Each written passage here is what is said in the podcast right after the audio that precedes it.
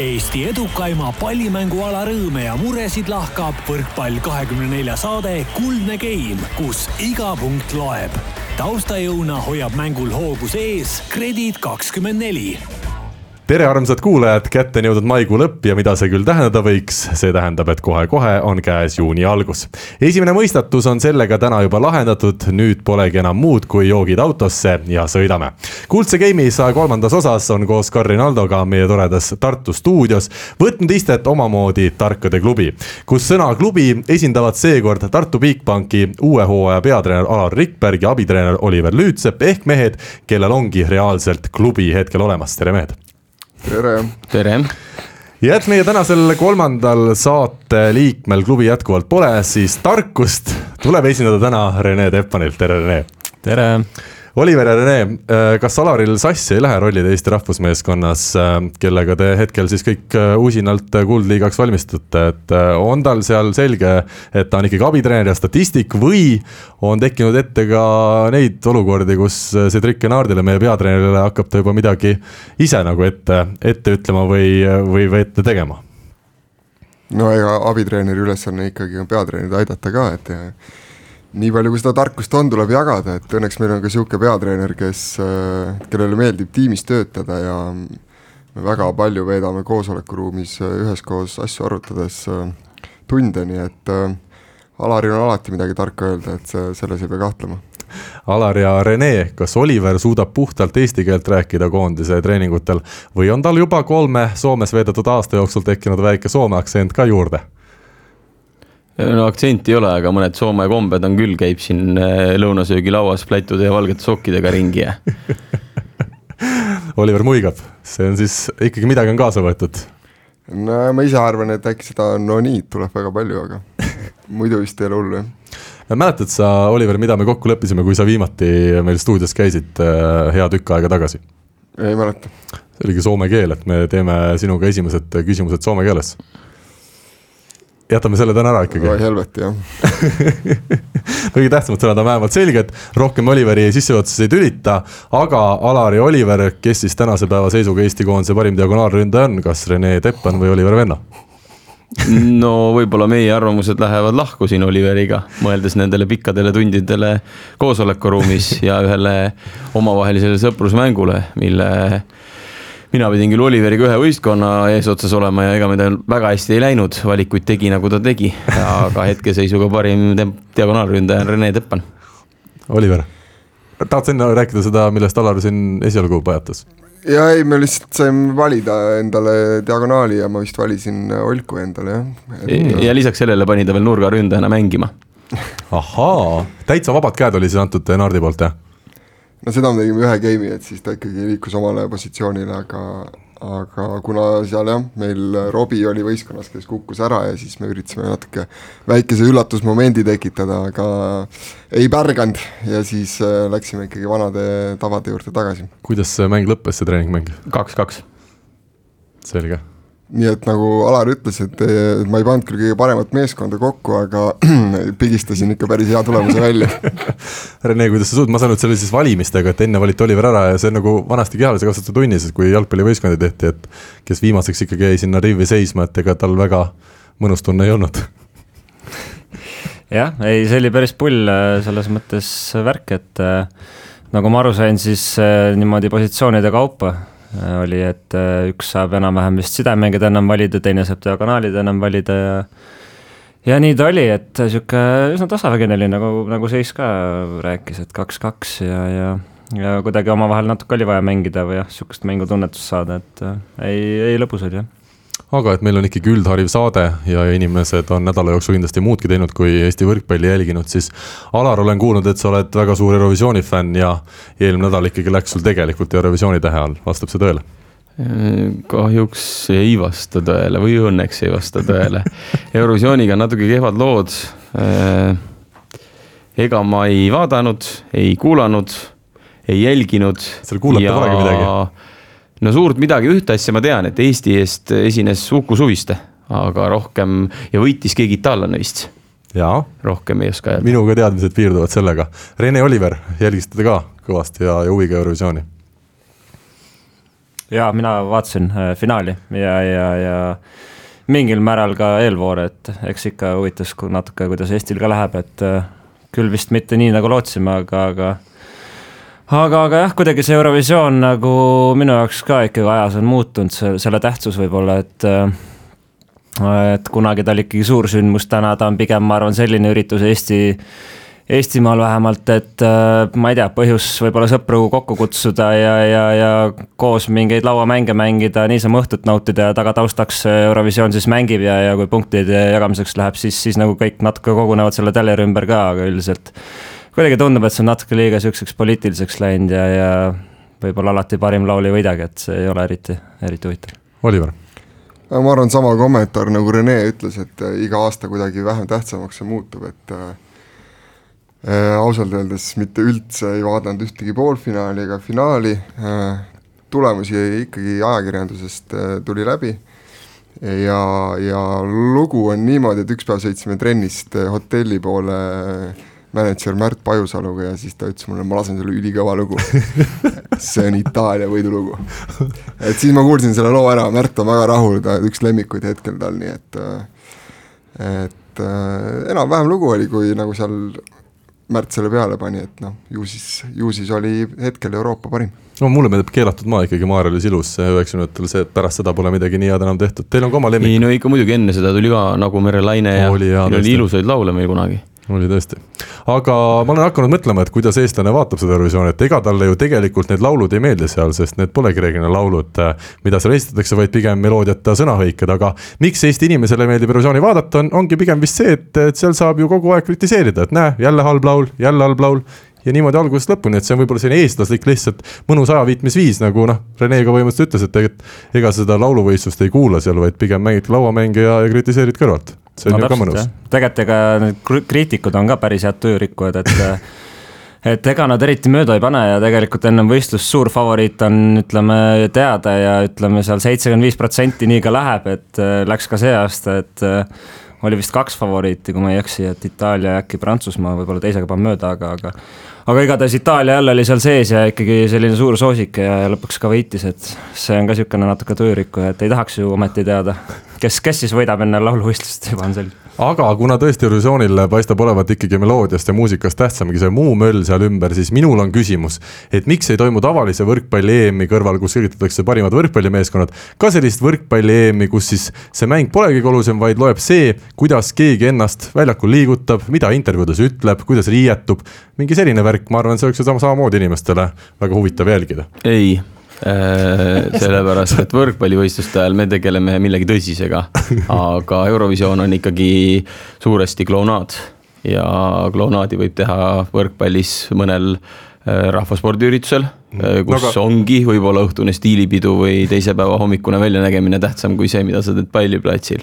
me keskendume põhitegevusele. no aga ega võrkpallurid ka nüüd päris ei ole hoidunud sellest muust osast, vaatame, Selveri tibu on meil kuulsaks saanud. meil oli Pillipoi oli teil endal minu arust Tartus mingisugune maskott, et äh, mõtle, kui need kaks jookseks väljakule, ma arvan, mingi Eesti vaatajaskond, keda võib-olla võrkpall nii palju ei kõneta, kui sellised tegelased tuleks ja hüppaks, noh, vaataks küll no sul on jälle need äh, mustad mälestused, ehk siis äh, kunagi spordisaal, spordisaalis ringi liikunud suur must M ja seda küll tagasi ei tahaks. selge, meie lindistame saadet äh, täna neljapäeva õhtul siis vahetult pärast seda Euroopa meistrivõistluste finaalturniiri alagruppide loosi Tartus. nii et väike kõll ja läheme kohe kõige värskema teema juurde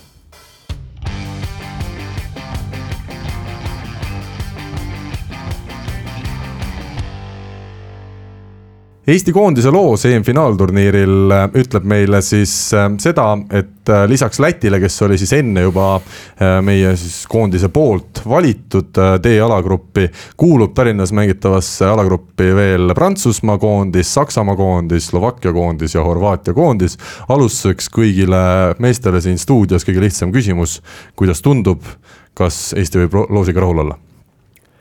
Mina arvan, et äh, täiesti korralik ja väga huvitav on see alagrupp.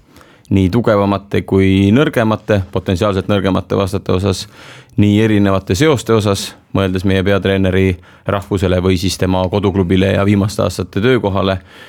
kui ka siis sellest vaatenurgast, et kellega me viimastel aastatel ja kuidas kokku oleme läinud ja ka siis võitnud või kaotanud, et igati huvitav saab see asi olema ja ma arvan, et kõikidele fännidele päris palju põnevust. Rene, kas teil seal Dorpati hotellis löödi šampus, šampus lahti ja hakati juubeldama, kui need alagrupid lõpuks valmis said?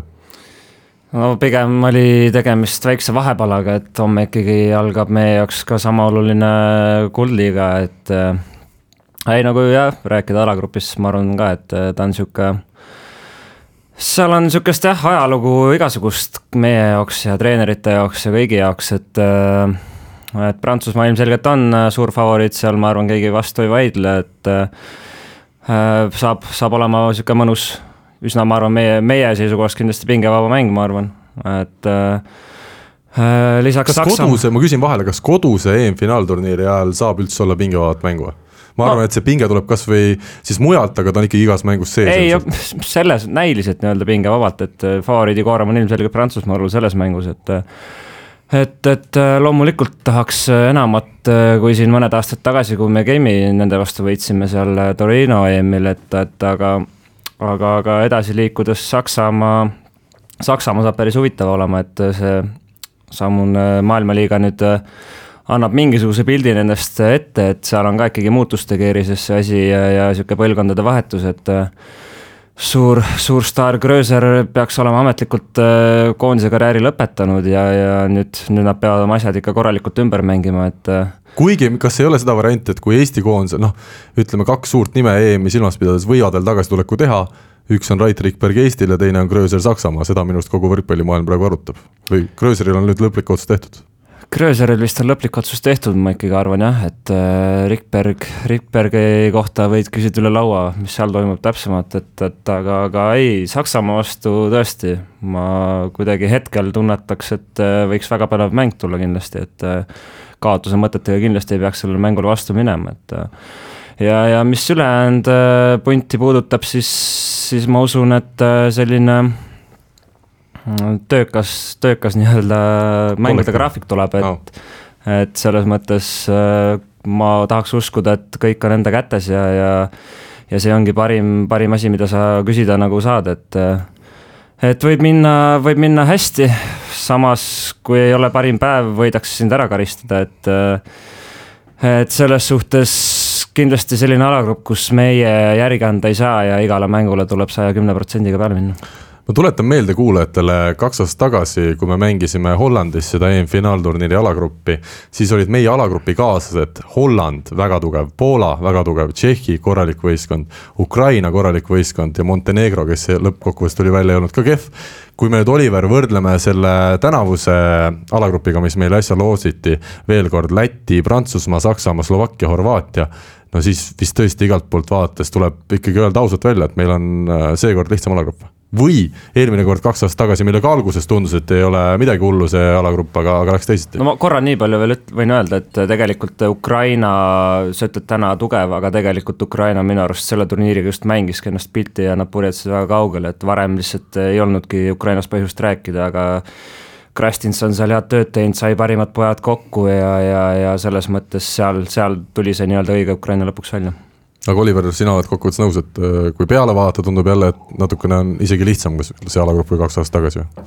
no sa tegelikult küsisid ja vastasid enne ise ära, et ongi täpselt seesama, et me ei tohi kedagi alahinnata selles, selles grupis, isegi kui see näiliselt tundub äh, võib-olla lihtsam kui eelmine kord, et äh, et mina isiklikult esimesest kausist nagu Prantsusmaad lootsin ka, olenemata sellest, et et äh, sealt tegelikult ei ole vahet ju, kes mängulises mõttes oleks tulnud, et äh, igal juhul tugev ja raske vastane oleks sealt tulnud ja siis oleks, oleks ju tore, et ta nii läheb, nagu ta läks, et sealt äh, peatreeneri, abitreeneri, teise abitreeneri nagu seos oma kodumaaga olemas ja ja edasi Saksamaa, Horvaatia, nagu siin Renks juba rääkis, siis ma arvan, et mängulises mõttes need loosid ei ole nagu üldse pahad, mitte midagi kedagi ei saa alahinnata aga, aga Renks ütles, et kindlasti saame sinna vastu minna mõttega võidule minna ja, ja see ongi kõige tähtsam. kuidas, äh, ma saan aru, et te vaatasite Dorpatis hotellis koos ühes suures ruumis seda loosi või? Äh, jaa, ma võin nüüd siin sees äh, öelda, et peaaegu kõik koos ehk siis äh, kaks sellist EM-i saadikut istusid kolmveerand tundi kõrvaklapid peas. ja üks neist pärast hiljem siis laivis sai ühe lause öelda, teine ei saanud sedagi, aga muidu äh, ühe erandiga tervitused sellele ühele staffi liikmele, kes siis sel ajal magas. aga ülejäänud meeskond jah, oli koos ja vaatas kõik ühes ruumis teeme, teeme, aga miks, kas seda ei avalikustada, kes see magas, uni on ju väga, väga hea spordimehele. ja, ja staffi liikmetele eriti sellepärast, et neil on rasked ja pikad tööpäevad ja tõesti üks. Äh, me leppisime kokku, et me vaatame koos, muutsime selle vaatamise asukohta, sellepärast esimeses ruumis tõesti ei olnud õhku. ja kirjutasime siis oma sellesse Whatsappi gruppi, et kuhu tulla, aga kui sa juba magad, siis sa ei ava ka Whatsappi ja nii ta läks. ikkagi sa nime ei öelnud? ei, seda ma ei kavatsegi öelda. jah. on ta meessoost või naissoost? Ma ei ütle. siis on naissoost ilmselt aga äh, läheme edasi, te vaatasite seda Dorpatist siis koos ühest ruumist, kui tuli välja see kohe, et esimesest tugevast grupist tuleb meile Prantsusmaa, siis mis nagu tegid koondised ja mis nagu tegi Enard, kuidas see hetk seal välja võis näha? mina vist isiklikult äh, plaksutasin. magasid? plaksutasin meie, meie prantslastele ja, ja ei tea, tundus peatreener vist võttis telefoni näppu, hakkas kellegi kohe trükkima, et äh, no eks see elevust tekitas ja peatreeneril lisaks äh, järgmine valik Saksamaa samamoodi, et äh, mis on hetkel tema nii-öelda äh,, nii-öelda koduriik või kus ta töötab, et, et tema jaoks kindlasti väga huvitav, väga huvitav loos Alar, küsimus sulle, võtame need kaks kõige tugevamat riiki natukene lähemalt veel ette, Prantsusmaa, Saksamaa. kuidas sa hindad nende meeskondade tänast seisu, on nad oma viimaste aastate ütleme tipul või näed sa seal mingeid suuri ka puudujääke? Saksamaa on peaaegu kümme aastat jube palju kõikunud. Äh, alates sellest, et äh, võideti EM-hõbe, äh, lõpetades sellega, et maailmaliiga kolmandas tugevusgrupis jäädi meist tagapoole et eh, sõltuvalt sellest, kes on seal pundis olnud, kui tõsiselt nad asju on võtnud. maailmaliigast nad mingi hetk loobusid esimestest tugevusgruppidest, siis alustasid uuesti kolmandast, tehti süsteem ümber.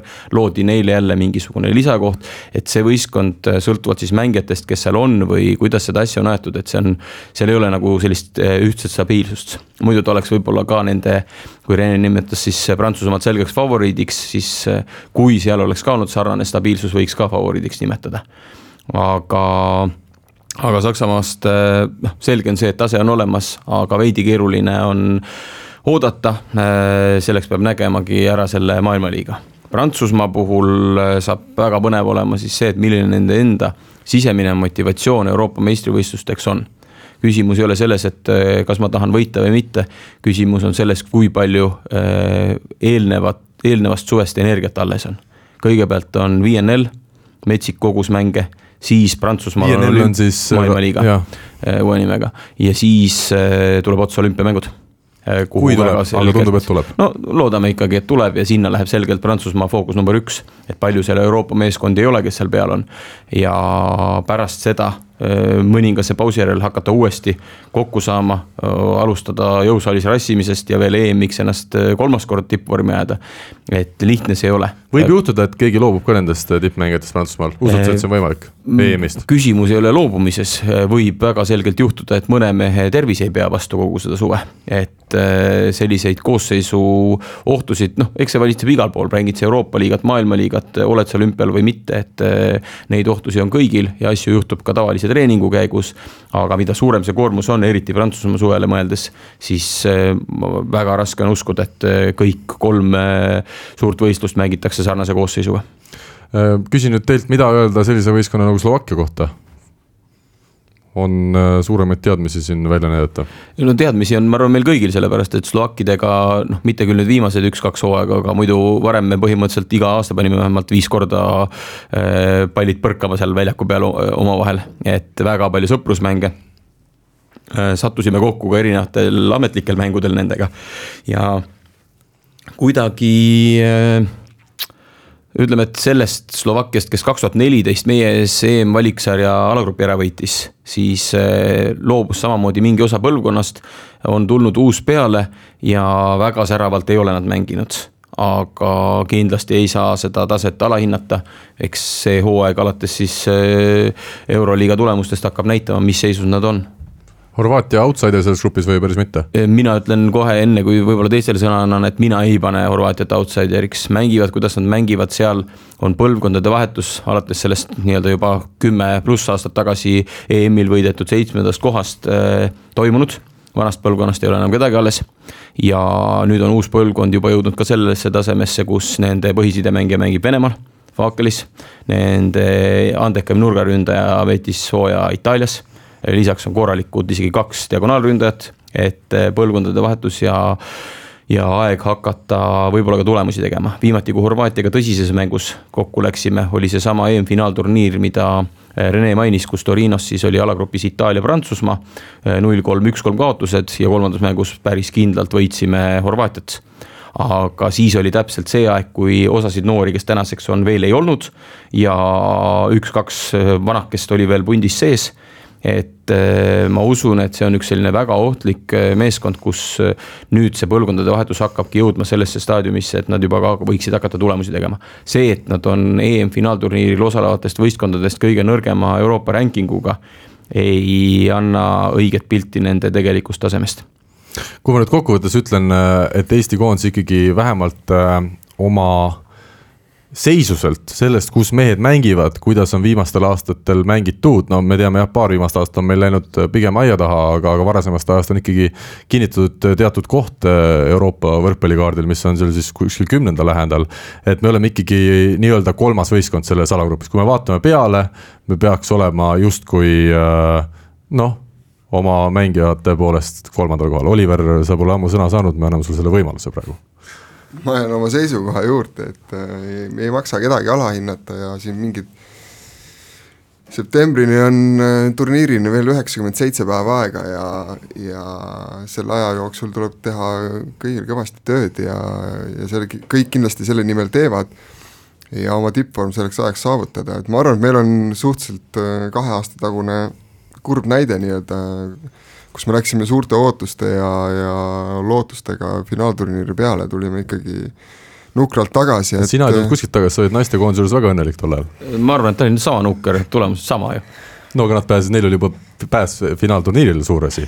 no ma räägin nagu meie kui Eesti võrkpalli eest siin õige, praegusel hetkel, et äh, et ma ei näe mingit põhjust kedagi alahinnata või isegi mingit äh, ranking ut siin enne kokku panna, kui, kui see aeg on käes ja ja ma olen kindel, et meie valmistume igaks vastaseks nii-öelda korralikult ja võrdselt ja, ja no, siis oleme targemad, kui see alagrupi turniir läbi on. kas meil on võimalik täna võrkpallisõpradele teha selline väikene ma ei tea, ennustus on vist palju öeldud, aga nimetada igast Eesti jalagruppi kuuluvast meeskonnast üks mängija, kes tänasel päeval, kevadel meie teadmisi arvestades võiks olla siis sügisel EM-finaalturniiril oma meeskonna kindel võtmetegija. oleks meil võimalik seda teha, nii Prantsusmaal kas ikkagi? no Ervin ja, ja Donjuti noh. Ervin Kapet, Kapet, kuidas see on? Kapet jah. peab seda viimast teed seal hääldama või? no vahet ei ole. selge, mees jääb samaks? jääb mees jääb samaks. nii, Donjuti mm, -hmm. Saksamaal? Kampa tuleb, on küsimus, ütleme Kampa ikkagi jah. Äh, tutvusta natuke ka võrkpallisõpradele. sidemängija, väga kogenud värske Poola meister tema, tema saab kindlasti väga oluline olema just arvestades seda, et ümberringi on päris, päris palju noorust, et. ja, ja, ja teiseks nimetaks diagonaalründaja äkki Simon Hirsi, et äh, diagonaalpositsioon saab väga oluline olema neil, sest et noh, teadupärast ilma diagonaalründajata on keeruline ja, ja seal on kõige rohkem võib-olla küsimärke neil. Äh, keda me Slovakkiast esile võiks tuua? Peeter Mihhalovitš, diagonaalründaja kindlasti. see on niisugune raudvara neil seal olnud ja, ja oma trikid ta teeb selles mõttes ära endiselt veel, ma usun, et äh, kiiret mängu ta harrastab ja plokivigade peal kõvasti mängib, et äh, siiamaani, siiamaani mängis Prantsusmaal, et nüüd küll liikus edasi, aga mitte, mitte halba keskkonda. ja, ja, ja ma ei teagi, sidemängija, kes seal on, Satko endiselt on. Need kaks ilmselt jah, on, on tähtsad. aga Horvaatias? Sukovski, Timofei Sukovski, sidemängija jälle.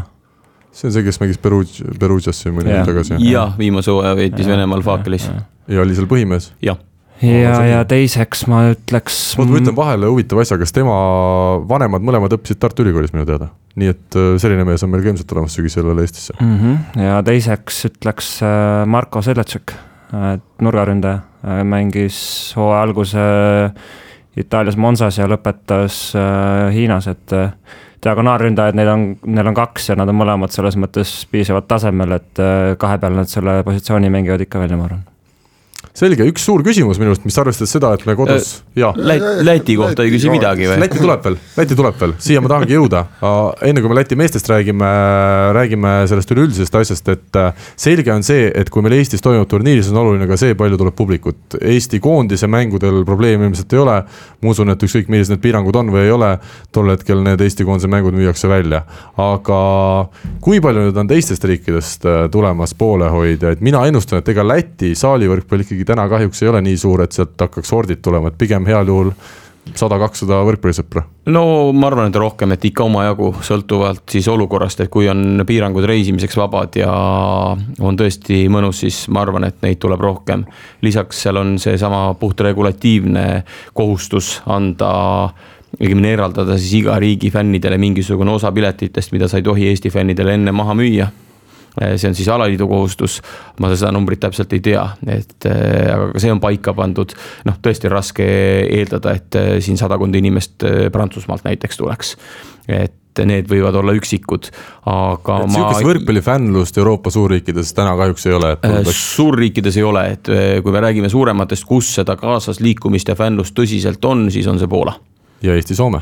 ja ma arvan, et teine-kolmas koht ongi Eesti ja Soome täpselt ja mõeldes nüüd sellele, et eh, kas noh, ma ei tea, mängivad omavahel Saksamaa, Prantsusmaa, kas tõesti peab seda mängu pidama siis eh, tühjas Saku Suurhallis, siis siin on nüüd eh, ma ausalt öeldes ei ole seda kodulehte, lehte ise avanud. väga suur küsimus selles, et kuidas piletid müüakse, kas hakkavad olema mängu- või päevapiletid ja kui on päevapiletid, siis äh, ajalugu on näidanud, et äh, on fänne, kes tulevad lihtsalt Eesti koondisse vaatama.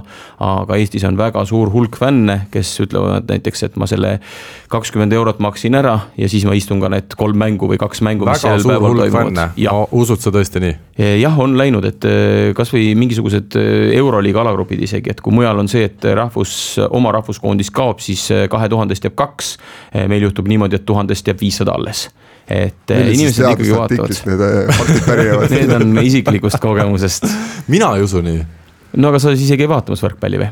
no kui meil on, ütleme Saku Suurel, ma ei tea, palju seal nüüd kuus tuhat viissada minu arust korvpallimängu tulnud, võrkpallil umbes sama äkki kui meil on täismäng, täismaja Eesti koondise mängu kuus tuhat viissada, no kolm tuhat kindlasti sinna jää Saksamaa, Prantsusmaa vaatama no, kahjuks. me ei ole nii suure võistlusega siin kokku puutunud, meil on olnudki Euroliiga, kuhu mahubki, ütleme siis näiteks tuhat äh, läheb Rakverre sisse ja siis hakka lugema selle pealt, et kes need pooled on, kes alles jäävad, need on võrkpallitreenerid, sugulased, sõbrad, ehk nii palju on neid lähedalt seotud inimesi, keda huvitab. no mõnel võib-olla lihtsalt jäi õlu joomata ja siis pidigi jääma, ei lastud saalist välja. Äh, vot see ka on võimalus, aga kahjuks ma seda ei tea, sest ise ma tribüünil ei ole aga ühesõnaga, sa usud, et on neid fänne, kes jäävad ka teisi mänge vaatama? ja, ja seda ma kindlasti soovitan, sellepärast et äh, mõelda selle peale, kui lihtsalt ja odavalt äh, see asi praegu koju kätte tuleb. kaks aastat hiljem pead sõitma kuhugi teise Euroopa otsa, et äh, samasugust asja näha ma ei tea nüüd, kindlasti Võrkpalliliit ka mõtleb selle nii nagu meie siin saates mõtleme, aga minu arust see on üks suur küsimus, mida loodetavasti siis, millega tegeletakse, et kui ongi teised mängud, et nä näida ka ilus seal võrkpallipildis teleülekannete vahendusel, võiks ikkagi ajada neid inimesi kasvõi tasuta saali, andagi ajateenijatele, mingitele töökollektiividele võimalus, kes tahab, tuleb, vaatab ilusat võrkpalli ja jääb ka telekas hea pilt, et seda võib neid pileteid ka mingil hetkel, ma arvan, niisama anda või, või sellist varianti finaalturniiril käiku lasta. no kindlasti on kõik võimalused, aga selle jaoks on inimesed alaliidus tööl. ja, ja me usume, et nad teevad oma tööd kindlasti hästi. tuleks korraks selle Eesti-Läti mängu juurde, siis ma arvan, sinu pakutud sada, kakssada on ikka väga pessimistlik et äh, ma julgen isegi öelda, et ma arvan, see hakkab äh,, sügisel näeme, aga see võib sinna tuhande juurde minna, et. et tuhat Läti fänni tulevad Eestisse. miks nad ei peaks tulema, Läti on äh,, Alar võib öelda, kuna viimane kord oli EM-finaalturniiril see oli üheksakümnendate alguses kunagi, et nad on sinna jõudnud, küll lätlased oskavad ka mingit äh, promo teha ja, ja tulla kuskilt äh, Riiast Tallinnasse turniiri vaatama, see on, seda võib tulla üheks päevaks, et. Äh, pluss Pärnumaa inimesed, Võrumaa inimesed ja ütleme Aavo, kellel ka sidemeid Saaremaaga, ma arvan, et osad tulevad sealtkandist ka ja elavad hoopis Lätile võib-olla kaasa, ehk siis Aavo meeskonnale ehk siis neid ei saa nimetada Eesti meeskonna poolhoidjateks. no selles mõttes ma usun, et Eesti-Läti mängu publiku huvi pärast me ei pea küll muretsema. seda kindlasti mitte, aga ma pidasingi silmas neid mänge, kus Eesti ei osale. Rene, kuidas on? tundub, et sina tühja publiku või saali ees ei pea igal juhul sügisel mängima, sul ei ole probleemi? no ma olen juba jah, kõigega harjunud, et kuigi koroona muidugi selles suhtes me ei tea midagi, mis siin juhtuda võib. no ennustada ei ole tõesti mõtet jah, et äh, loodame ikkagi parimat ja, ja võiks ju, võiks ju korralik võrkpallipidu siin olla nädal, nädal või paar päeva isegi peale, et äh, et oleks ju ülikõva, kui, kui see atmosfäär oleks, oleks nagu selline, nagu, nagu ta tavaliselt äh, suurturniiridel on, et et seitsmes võrkpallimeestes siis seitsmes mees väljakul on hädavajalik kindlasti ja, ja ja eriti, eriti niisugusel pikal alagrupi turniiril, kus mänge tõesti on palju ja, ja oleme võistkond, kes kindlasti noh, juba sai öelda ka, et peame saja kümnega panema kõiki mänge, et valida, valida ei ole midagi. nii, aga tuleme siis selle Läti koondise juurde ja, ja räägime sellest siis ka selles valguses, et äh, eelmisel nädalal me pidasime nendega ohtralt kontrollmänge, kontrollmänge, sõprusmänge, kuidas iganes neid äh, nimetada. kokku neli mängu ja, ja neli kolm-nulli, seal mängiti ka mingitel hetkedel lisageime, aga, aga see selleks, ühesõnaga kindlad võidud. esiteks ma küsin üldse selle ära, et kuna Lätil oli puudu põhisidemängija, Venemaal mängiv Deniss Petrovs ja Kreekas mängiv diagonaalründaja, põhi siis rünnakujõud äh, Erman Seegleskants, siis kas see tähendab, et see Läti meeskond, kes meil nüüd ka kuldliigas vastu tuleb, ei ole üldse seda nägu, mis ta sügisel saab olema, kui EM-finaalturniiri mängitakse ja need mehed on ka puhkuselt naasnud? ma ütleks niimoodi, et võib-olla isegi see Läti meeskond, kes kuldliigal vastu tuleb, ei ole ka sama nägu, kes äh, sõprusmängudes oli. sest et äh, kuuldavasti äh, ebamugava hotellivoodi tõttu magas oma selja ära libero Ivanovs kes viimasel päeval ei saanud kaasa tulla. siiamaani on selge. ei, ei nüüd on juba parem, sellepärast ma ütlengi, et need ei ole samad meeskonnad, siis oli kõhulihasega hädas nende nurgaründaja Osolins, kes meile Pärnust on tuttav, kelle tervis on ka paremaks läinud, et eh, neil oli siis nagu väga palju hädasid ja selge on see, et Euroliigaks nad on usutavasti juba kosunud ja EM-il ootab meid hoopis teistsugune Läti kas see Läti, kes meid EM-il ootab, on siis võrreldav meiega või on ikkagi arvestades seda, et äh, mingid mehed seal ka põhikoosseisust jätkuvalt on siis kohaliku liiga mehed või Eesti liiga mehed, siis see on selline vastane, keda Eesti meeskond tegelikult praeguses seisuses peab igal juhul võitma. Siin ei saa panna, Oliver on juba kolm korda seda toonitanud, mitte ühelegi vastasele peab ja võib, vaid äh, sõltub sellest, milline see päev on noh, mõtleme, võtame kasvõi sedasama omavahelised äh, sõprusmängud, hea küll, game idega neliteist null kolme päeva jooksul võitsime, aga üks mäng neist oli tähtis kus mõlemad mehed läksid, mõlemad meeskonnad läksidki oma põhikoosseisudega ja game'id olid kakskümmend viis, kakskümmend kolm, kakskümmend viis, kakskümmend kolm ja kakskümmend kuus, kakskümmend neli. see on tasavägisem kui mõni kolm-kaks mäng et noh, tunne oli hea, et väike kontroll on olemas, aga noh, pane need ülejäänud mängijad juurde. oleme ka Lätiga madistanud väga tähtsatel hetkedel, näiteks EM-finaalpääsu eest võitsime neid ju väga napilt kolm-kaks esimeses mängus seal omavahel. et alahinnata ei saa noh, isegi mitte Lätit, võib öelda tegelikult mitte kedagi kas võib, äh, ma ei tea, kas Oliver tahab öelda neljandat korda veel sama asja? ei, praegu mitte. et äh, kas võib öelda, et Oliver ongi võib-olla toodud siia koondise natuke tasakaalustama seda, et kui abitreeneritest, eestlastest Alar on pigem see, kes noh ütleb välja kõik, mis ta arvab, isegi seda, mida ta vahel ei arva, siis Oliver on tasakaalukas, on selline võib-olla hea meediamees enne turniiri, küsitakse seda-teist, Oliver seda keerutab, pöörab, pöörab ja, ja siis on nagu selline noh, mull. ei, sa ei ole jälle õigesti asjast aru saanud.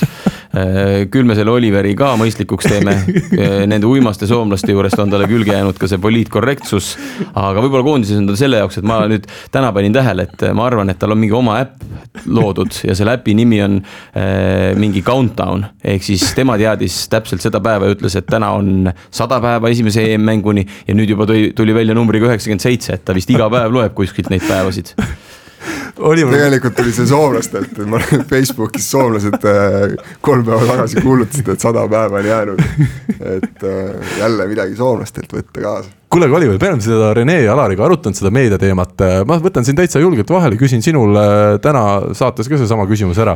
kui palju sina teadvustad enda jaoks seda, mida ja mil moel sa meediale räägid, sest ega Soomes ütleme isegi see meedia osakaal sinu kui peatreeneri jaoks oli vist isegi suurem kui Eestis, sest seal oli ikkagi iga mängu eel ja järel sa pidid andma mingid kommentaarid. ja tegelikult mulle väga meeldis see Soome variant, et äh, mul oli Soomes täpselt nii, enne mängu annad selle kommentaari, mis äh, läheb nii-öelda klubi vippidele ja, ja mingi hooajapileti ostnutele, kes on seal äh, launch'is nii-öelda.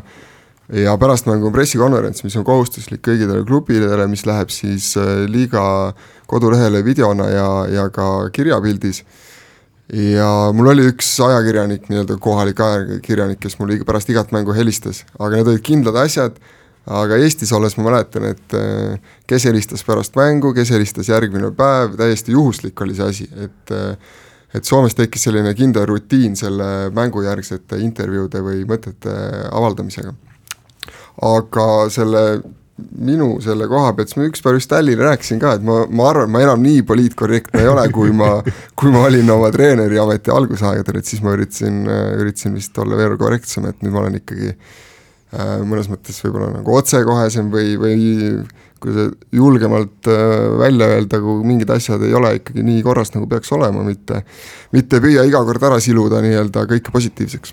aga kas vahel on nii ka Soomes olles sul näiteks, et sul mingi mängumees trennis oli kuidagi loid või vastupidi, äh, pani üle, pingutas, et sa siis mõtlesid juba välja, et kui sul seal mängueelne näiteks äh, kommentaar tuleb anda, et sa siis meelega torgid seda mängijat siis kas heaga või halvaga, et mõjutada tema sooritust mängu ajal või päris nii see ei käinud?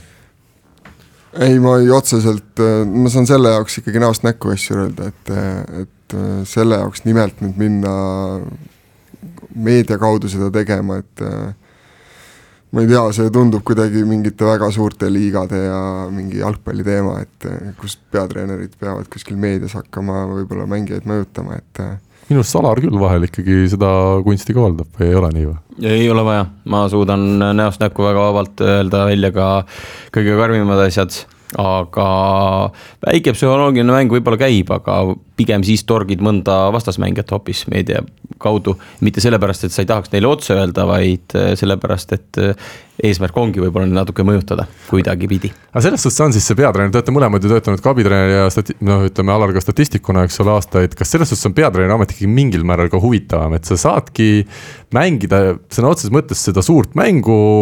et, et sa ei ole ainult see taustalüli, vaid sa saad seal peatreenerina ka mingeid lükkeid teha meedias, meeskonna sees rohkem ja, ja ta on selline rohkem närvikõdiga endale pakkuv. kindlasti on, aga närvikõdiga koos tuleb ka see vastutus ja närvipinge ehk nüüd ma siis viimaste nädalatega sain esimest korda tunda seda, et kuidas on tulla jälle tagasi peatreeneri toolilt abitreener statistiku toolile. ja tuleb tunnistada, et koondise juures on väga mõnus ja rahulik võrreldes sellega, mis oli teises rollis. vastutus on null või? vastutus on olemas ja on. kaasatus on olemas, mida Oliver ka juba korra mainis, selle treeneri idee. kõikidel treeneritel, olgu see koosolekuruumis või olgu see trenni ajal palliplatsi peal, on oma ülesanded, nad on kõik väga tihedalt seotud, ei ole see, et üks mees juhib asju, vaid eh, üsna delegeeritud on see juhtimisstiil tal. aga lihtsalt selline sisemine pinge. See on, peatreener on hoopis teistsugune ja, ja kui peatreeneril on midagi või siis meelest minna või mis seal trennis on, siis noh, nüüd teised mehed otsustavad, sina viid lihtsalt ellu. Selge, mis on koondise eesmärk eh, kodusel Euroopa meistrivõistluste finaalturniiril, kas eh, julgeme midagi siin välja ka öelda, no selge on see, et alagrupist peaks edasi saama, seda võite ka siin muidugi mikrofoni ees öelda, aga, aga on meil mingid selgemad, kaugemad sihid veel? Ei, nii jääbki, alagrupist edasi, siis vaatame edasi, mis saab. väga hea, Oliver nii ongi. et vastased on tugevad. ei, aga jah, nii ongi väga hästi, et. Äh, et alustame sellega? muidugi. kuld selge. no aga kas sa lähed väiksema eesmärgiga või? mina ei lähe kuskile. no näed, aga meie ka siis ei lähe.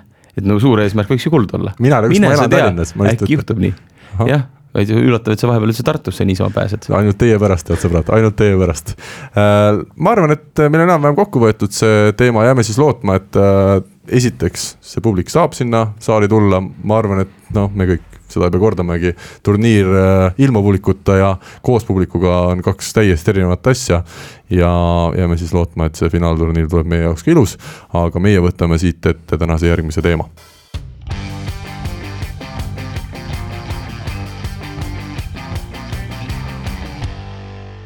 Tartus algab siis täna, mil see saade üles läheb, reedel ähm, Euroopa Kuldliiga hooaeg. Tartus äh, on siis esimene turniir sel nädalal ja Liepajas Lätimaal teine turniir järgmisel nädalal. miks üldse Liepaja, kas siin keegi oskab ka vastust anda, ühtegi võrkpalliklubi seal minu teada sel hooajal ei olnud? no ega lätlased tahtsid meile ikka korralikku bussireisi teha ei, ma arvan, et seal on mingi, ju mingi kohalik omavalitsus äh, pakub mingit tuge võib-olla tasuta spordisaali näol või midagi taolist, et äh, ju seal mingi selline kaalutlus. ei osanud sellele küsimusele vastata isegi Läti koondise eestlasest peatreener aga sa mainisid bussisõitu, kas äh, Alar, sa oled aastaid koondises olnud, kas ei ole ikkagi nii, et, et oleks juba aeg ikkagi minna eralennukiga? eralennukiga loomulikult, mehed peavad ju puhanuna tulema Liepajas väljakule loomulikult oleks aeg, Karl, anna palun raha üle ja korraldame ära. Rene, kuidas, kas sina mõnes tippklubis oled eralennukiga lennanud või? Äh, ei ole. äriklassis mm,? äriklassis ma olen rongis istunud ei, aga ega see ka odav lõbu ei ole, ma eeldan, et. Äh, kui te saate äriklass rongis, ma seda isegi nii ei ole kursis. Itaalias jah, mingid otsad äh, Trentoga tegime, tegime rongis, et lõunasse lendasime, aga sinna keskele teatud kohtadesse läksime rongiga, et kiirrong on ka väga mugav lahendus tegelikult, et, et aga ei, eralennukit tõesti ei ole olnud, et et, et küll tean jah, et Belhatov sel aastal näiteks tegi seda äh, meistrite liiga raames, et, et noh, ilmselgelt äh, koroona tõttu, et oleks, oleks vähe kokkupuuteid ja kõike seda, et aga, aga üldiselt võrkpallis liiga palju seda luksust ei ole, et et isegi minu arust Kaasani seniit kas ta täna jälle lendab võib-olla eralennukiga või mitte, aga mingi aeg isegi nemad loobusid sellest, et äh, läks, läks kalliks asi, jah. kuidas Soomes Rovaniemisse mindi Oliver Põhjapõtrade ja Soome kelguga või äh,? olen silmast. minu klubis meil oli, kuna meil oli nii-öelda bussisponsor, siis me sõitsime kõik otsad bussiga, aga Soomes on ka väga paljud sõidavad rongiga, kui on nagu sellised võimalused, et et linnas on äh, rongijaam olemas, et äh, raudtee sinna viib, et, äh, et ei pea mingit lisatransferi nagu korraldama.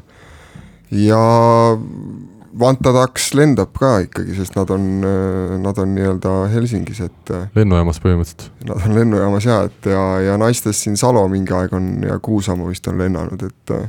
Soomes mõned klubid kasutavad ka seda lendamist ja meestest ma tean, et see aasta Vantadaks kasutas, et osad rongi ja suurem jagu ikkagi bussiga, et et äh, meil oli nii-öelda tavaline buss äh, Rovaniemi võistkonnal ja Savo võistkonnal on seal sisse ehitatud mingid voodid ja mingid Playstationi telekad ja asjad, et äh, on mõeldud selle peale, et pikemaid otsi ka teha, et see seitse tundi Leepeasse tegelikult on noh, koopi ots.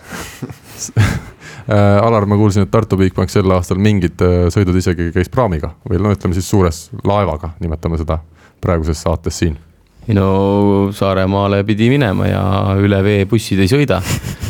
ja pidi tõesti siis praami peale no ikka jõudma, kui jõudsime, iga kord päris ei jõudnud aga tuleme nüüd selle tõsisema osa juurde ja enne veel, kui me hakkame Euroopa Kuldliiga sellest meie alagrupist rääkima, siis ma tegelikult tuleksin korra veel tagasi meie EM-finaalturniiri juttude juurde, sest meil jäi üks väga tähtis asi rääkimata, mis mul siin ka kenasti kirjas oli, ehk siis need ülejäänud alagrupid.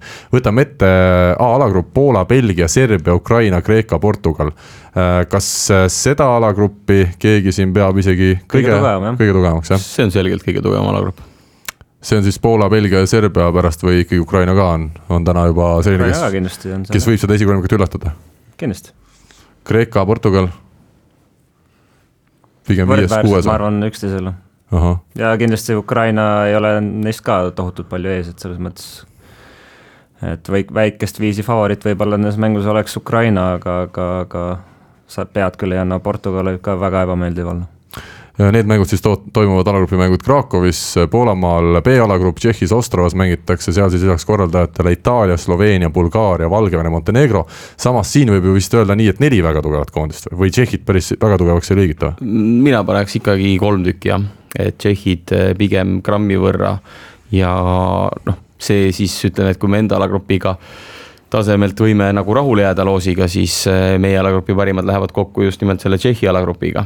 ja see, et sinna kolm nii tugevat koondist kokku sattus, äh, võib siis äh, alagrupist edasipääsu puhul tähendada ka väga tugevat järgmist vastast selge, C-alagrupp mängitakse siis Soomes Tamperes, need alagrupi mängud lisaks Soomele, loomulikult Soome valis endale Venemaa, Toomas Sammelu, Venemaa koondise peatreener. ma kujutan ette, kui raske selle mehe töö on, sest ükskõik, mis tuleb, olümpiahõbe, EM-hõbe, siis see on vist kõik altminek, et seal need mehed muud värvi kui selle kuldset ei tunnista. nojaa, aga ma arvan, et see töö on vastavalt ka tasustatud, et et see risk tasub, tasub ära, ma arvan, et muidugi sellise koondise eesotsas olles äh, ongi nii, et äh, ainult võit loeb ja, ja eriti Venemaal, et äh, et aga ta on ikka korralikult omale karjääri teinud, nii et et väga, väga, väga kõva asi ühele soomlasele olen ka ise temaga kunagi ühe intervjuu teinud ja tõesti äärmiselt sümpaatse mulje jättis ka kõrvaltvaatajale. lisaks Soomele ja Venemaale siis selles C-alagrupis Holland, Türgi, Hispaania ja Põhja-Makedoonia, mis me selle alagrupi tugevuse kohta ütleme, kas jälle neli võistkonda võiks olla natukene paremad, arvestades, et lisaks no okei okay,, isegi tegelikult vist Venemaa, Holland ja siis kolmas on seal Türgi juba täna või? ma vaatan Renele otsa või ei?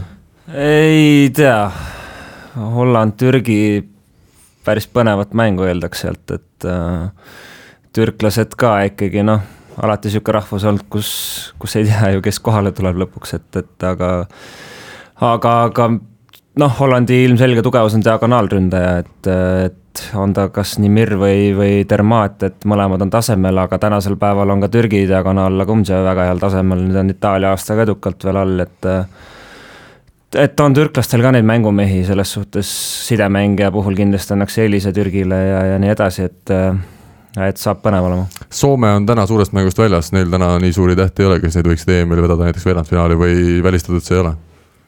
ei, see no. alagrupp ei olnud üldse, ma arvan, nende jaoks mängitav alagrupp, et eh, kui nad ikkagi, kui nad ikkagi püsivad nii-öelda vormis, kõik mehed on terved, et siis eh, ma arvan, et nad ikkagi siiavad alagrupist edasipääsu selge, teised on nõus, ma eeldan, nii et äh, läheme edasi, võtame nüüd siis ette juba selle kuldliiga alagrupi, lisaks Eestile ja Lätile siis mängimas meil A-alagrupis Belgia ja Hispaania teada on see, et finaalturniiril siis äh, nelja parema hulka pääsevad äh, kolme alagrupi võitjad ja parim teine koht, aga siin on siis see fakt äh, juures, et Belgia meie alagrupist on turniiri korraldajana juba ka koha omale poolfinaalis taganud. ehk siis esiteks, mida me Belgialt üldse ootame, kas nad neid kahte nädalat nüüd siin mängivad tõsiselt või mängivad mingi seitsmenda koosseisuga ja, ja üldse me ei saa neist pilti ette? Nad mängivad üsna tõsiselt, et teada on see, et Tartusse tuli Belgia viieteist mängijaga, kellest siis täna õhtul valiti esimeseks turniiriks neliteist ja suurematest nimedest kohal siis Sam Deru, kes veetis möödunud hooaja Moskva Dünamos. üks asi on kohal, teine asi, kas mängib? ei tea seda ja teine on siis nurgaründaja Rousseau, kes on ka kohal, küll on puudu nende kaks põhisidemängijat, nende põhidiagonaal, kes Andrei Aganitsaga möödunud hooajal Kreekas koos mängis et on ka puudujaid ja seda me näeme turniiri käigus, et milliseid mehi kasutatakse, selge on see, et koosseisus on päris palju noori ja ütleme siis võrkpallirahvale mitte nii tuttavaid nimesid, aga seda sisu ja seda taset on, on ka nendes meestes omajagu, kes kohal on Äh, võtame järgmise koondise Hispaania, kes siis on meil kohe avapäeval äh, reedel, kui teie meid, head kuulajad, ilmselt kuulate. Äh, meie vastaseks võib öelda, et see ongi see meie võtmemäng, et pääseda edasi või? Sõltumata sellest, mis seal edasi hakkab tulema, igal juhul avamäng on väga suure kaaluga meil. Hispaaniast said lisaks siis treeneritele täna esimese pildi ette koosolekul ka mängijad ja on seal väga kõrge tasemega sidemängija ka. Eh, Trinidad Angel, kes viis siis Varssavi Poolas plussliiga pronksile tänavu ja on seal väga korraliku tasemega kolm temporündajat, kes eelkõige just rünnakufaasis on võimsad. Eh, Ruiz, Vigil ja Fornes ja puudujääks on siis nende diagonaalründaja Villena, kes Eestisse ei tulnud. ehk siis nad tulid siia kolme diagonaalründajaga ja eks seal saab olema küsimärk, kes üldse väljakule pannakse. aga need kolm on need äh, sihukesel Need on Hispaania liiga mängijad, aga küll üks neist järgmine hooaeg äh, sainis juba mujale, aga üsnagi ebastabiilsed kas võib öelda, et rünnakul neil ei pruugi väga palju võimu olla, kui sa nimetad siin äh, just tugevatena pigem sidemängijat ja, ja temporündajaid? võimu on ka diagonaalidel, aga kui sa võtad näiteks Colito ühe võimaliku mängija, siis see võim võib lõppeda ilusa punktiga, aga see võim võib lõppeda ka saali tagaseinas. selge nii et äh, need, kes seina ääres seisavad, sina ise muuhulgas, Alar, ma saan homme statistikat teed seal ikkagi otsa peal, siis äh, pead vaatama mitte ainult arvutisse. Aga Läti kohta tahame midagi lisada. Äh, Alar vist rääkis juba enne kõik ära, et peaks olema natukene tummisem see koosseis kui nädal aega tagasi jah, ega Avo ka tule siia niisama mängima oma meeskonnaga, et neil on ka ikkagi teatud mõtted edu osas siin peas ja no tahes-tahtmata oleme neid aastaid võitnud ja võitnud ja usun, et see soov Eestil ära panna on igas lätlases päris tugevalt sees. Ma ütlen täna neljas kord, kedagi ei saa lahendada ka sel nädalavahetusel mitte Lätit, et et need äh, sõprusmängud, mis olid, et äh, eks see võib meid, meile ka niisuguse karuteene teha ja uinutada, et äh, selles samas rostris, kes neil seal on, seal, seal võib olla ka piisavalt kvaliteeti, et, et ikkagi korralikult me siin nii-öelda mängida, et me ei alahinda kedagi seda on rõõm kuulda. Äh, taaskord tuleb selle saate kontekstis ikkagi mainida ära, et kui mõned aastad tagasi sai käidud saarlastega euromängudel, siis sai listitud äh, meie Võrkpalli24 portaal ja Kuldne Game ikkagi äh, Saaremaa saateks. nüüd sel hooajal olime me selge Tallinna Selveri saade ja nüüd, et see saade võtaks üha rohkem Tartu Bigbanki nägu ja mitte ainult ei oleks siin meil täna mitu Tartu Bigbanki meeskonna liiget ja me ei teeks ka saadet Tartus, vaid et oleks veel rohkem ikkagi Tartu Bigbanki nägu, siis nädalavahetusel telemängude abikommentaatoritena olen ma võtnud töösse Ronald Järve Järve ja Rait Rikberg, kes millegipärast, mehed, Alar ja Oliver, ma vaatan teile otsa, ikkagi on jäänud sel hooajal koondise tegutsemisest välja, et, et hoida nendele ka seda vormi, et nad saaks saali tulla ajal, mil publikut saali ei lasta ja näha, kuidas see võrkpall päriselt välja näeb, siis ma noh, hoiame neid ka mängus sees. Äh, väga hea mõte, aga ega ei oskagi öelda, et Ronald Järv, ma ootan, usun, et ootas seda koondise kutset pikisilmi ja juba aastaid, aga ei teagi, ei tule, ei tule ja kus see taha siis jääb? ma saan aru, sina ju teed otsused ära. ei, ei, see, see asi jääb ikkagi pikkuse taha, siin pole midagi teha. Raido puhul sama? Raido puhul jääb ka pikkuse taha jah, et meil on ikkagi liberod võetud, kes on temast natuke pikemad praegu selge, Rene, tuleme sinu juurde. Äh, Eesti koondis, äh, treeningud ja peatreener Cedric Enard. Äh, kuidas täna, nüüd, mil sa oled ka ise koondisega kaasa teinud trenne, kogu see värk tundub, uus treener ja, ja see uus treenerite tiim? esimene mulje väga positiivne ilma naljata, kõik, kõik sujub algusest peale, ma arvan, ja kõik tulid äh, väga positiivse meelestatusega, töömeeleoluga, et äh, tõesti väga, väga super luks, hetkel nurisemiseks kindlasti põhjust ei ole ja ja, ja peatreeneri vahetus selles mõttes alati ju annab midagi, midagi juurde ja hetkel ma tunnetan mängijana küll, et äh, võib-olla sellist sellist värskust ja sihukest isu on ta meile nagu juurde jällegi tekitanud, et et uus treener, kõik mängijad alustavad nullist, äh, noh, loomulikult kõik tahavad ju mängida nii palju kui võimalik ja antakse endast maksimum, et et võib-olla jah, siin äh, Gretu ajal natukene noh, kuidagi ikkagi nat-, natuke tunned treenerit ja tajud mingeid asju ja, ja mingeid piire ja värke, et et äh, täna, täna olukord on selles mõttes väga-väga töine ja väga-väga okei okay,, et tõesti mitte ühtegi etteheidet ei ole ja me oleme siin, ma arvan, kolm nädalat äh, selle välja pannud trennides, mis meil sees on olnud ja, ja ja, ja lihtne pole olnud, aga, aga lihtne ei peagi olema, et äh, eks meil on päris palju noori, kes peavad mitte lihtsalt ennast vormi saama äh, vaid ka paremaks ja, ja, ja loomulikult samamoodi kehtib ka vanematele mängijatele, et alati on midagi juurde õppida või kuskilt parandada, et äh, selles valguses kõik on hästi.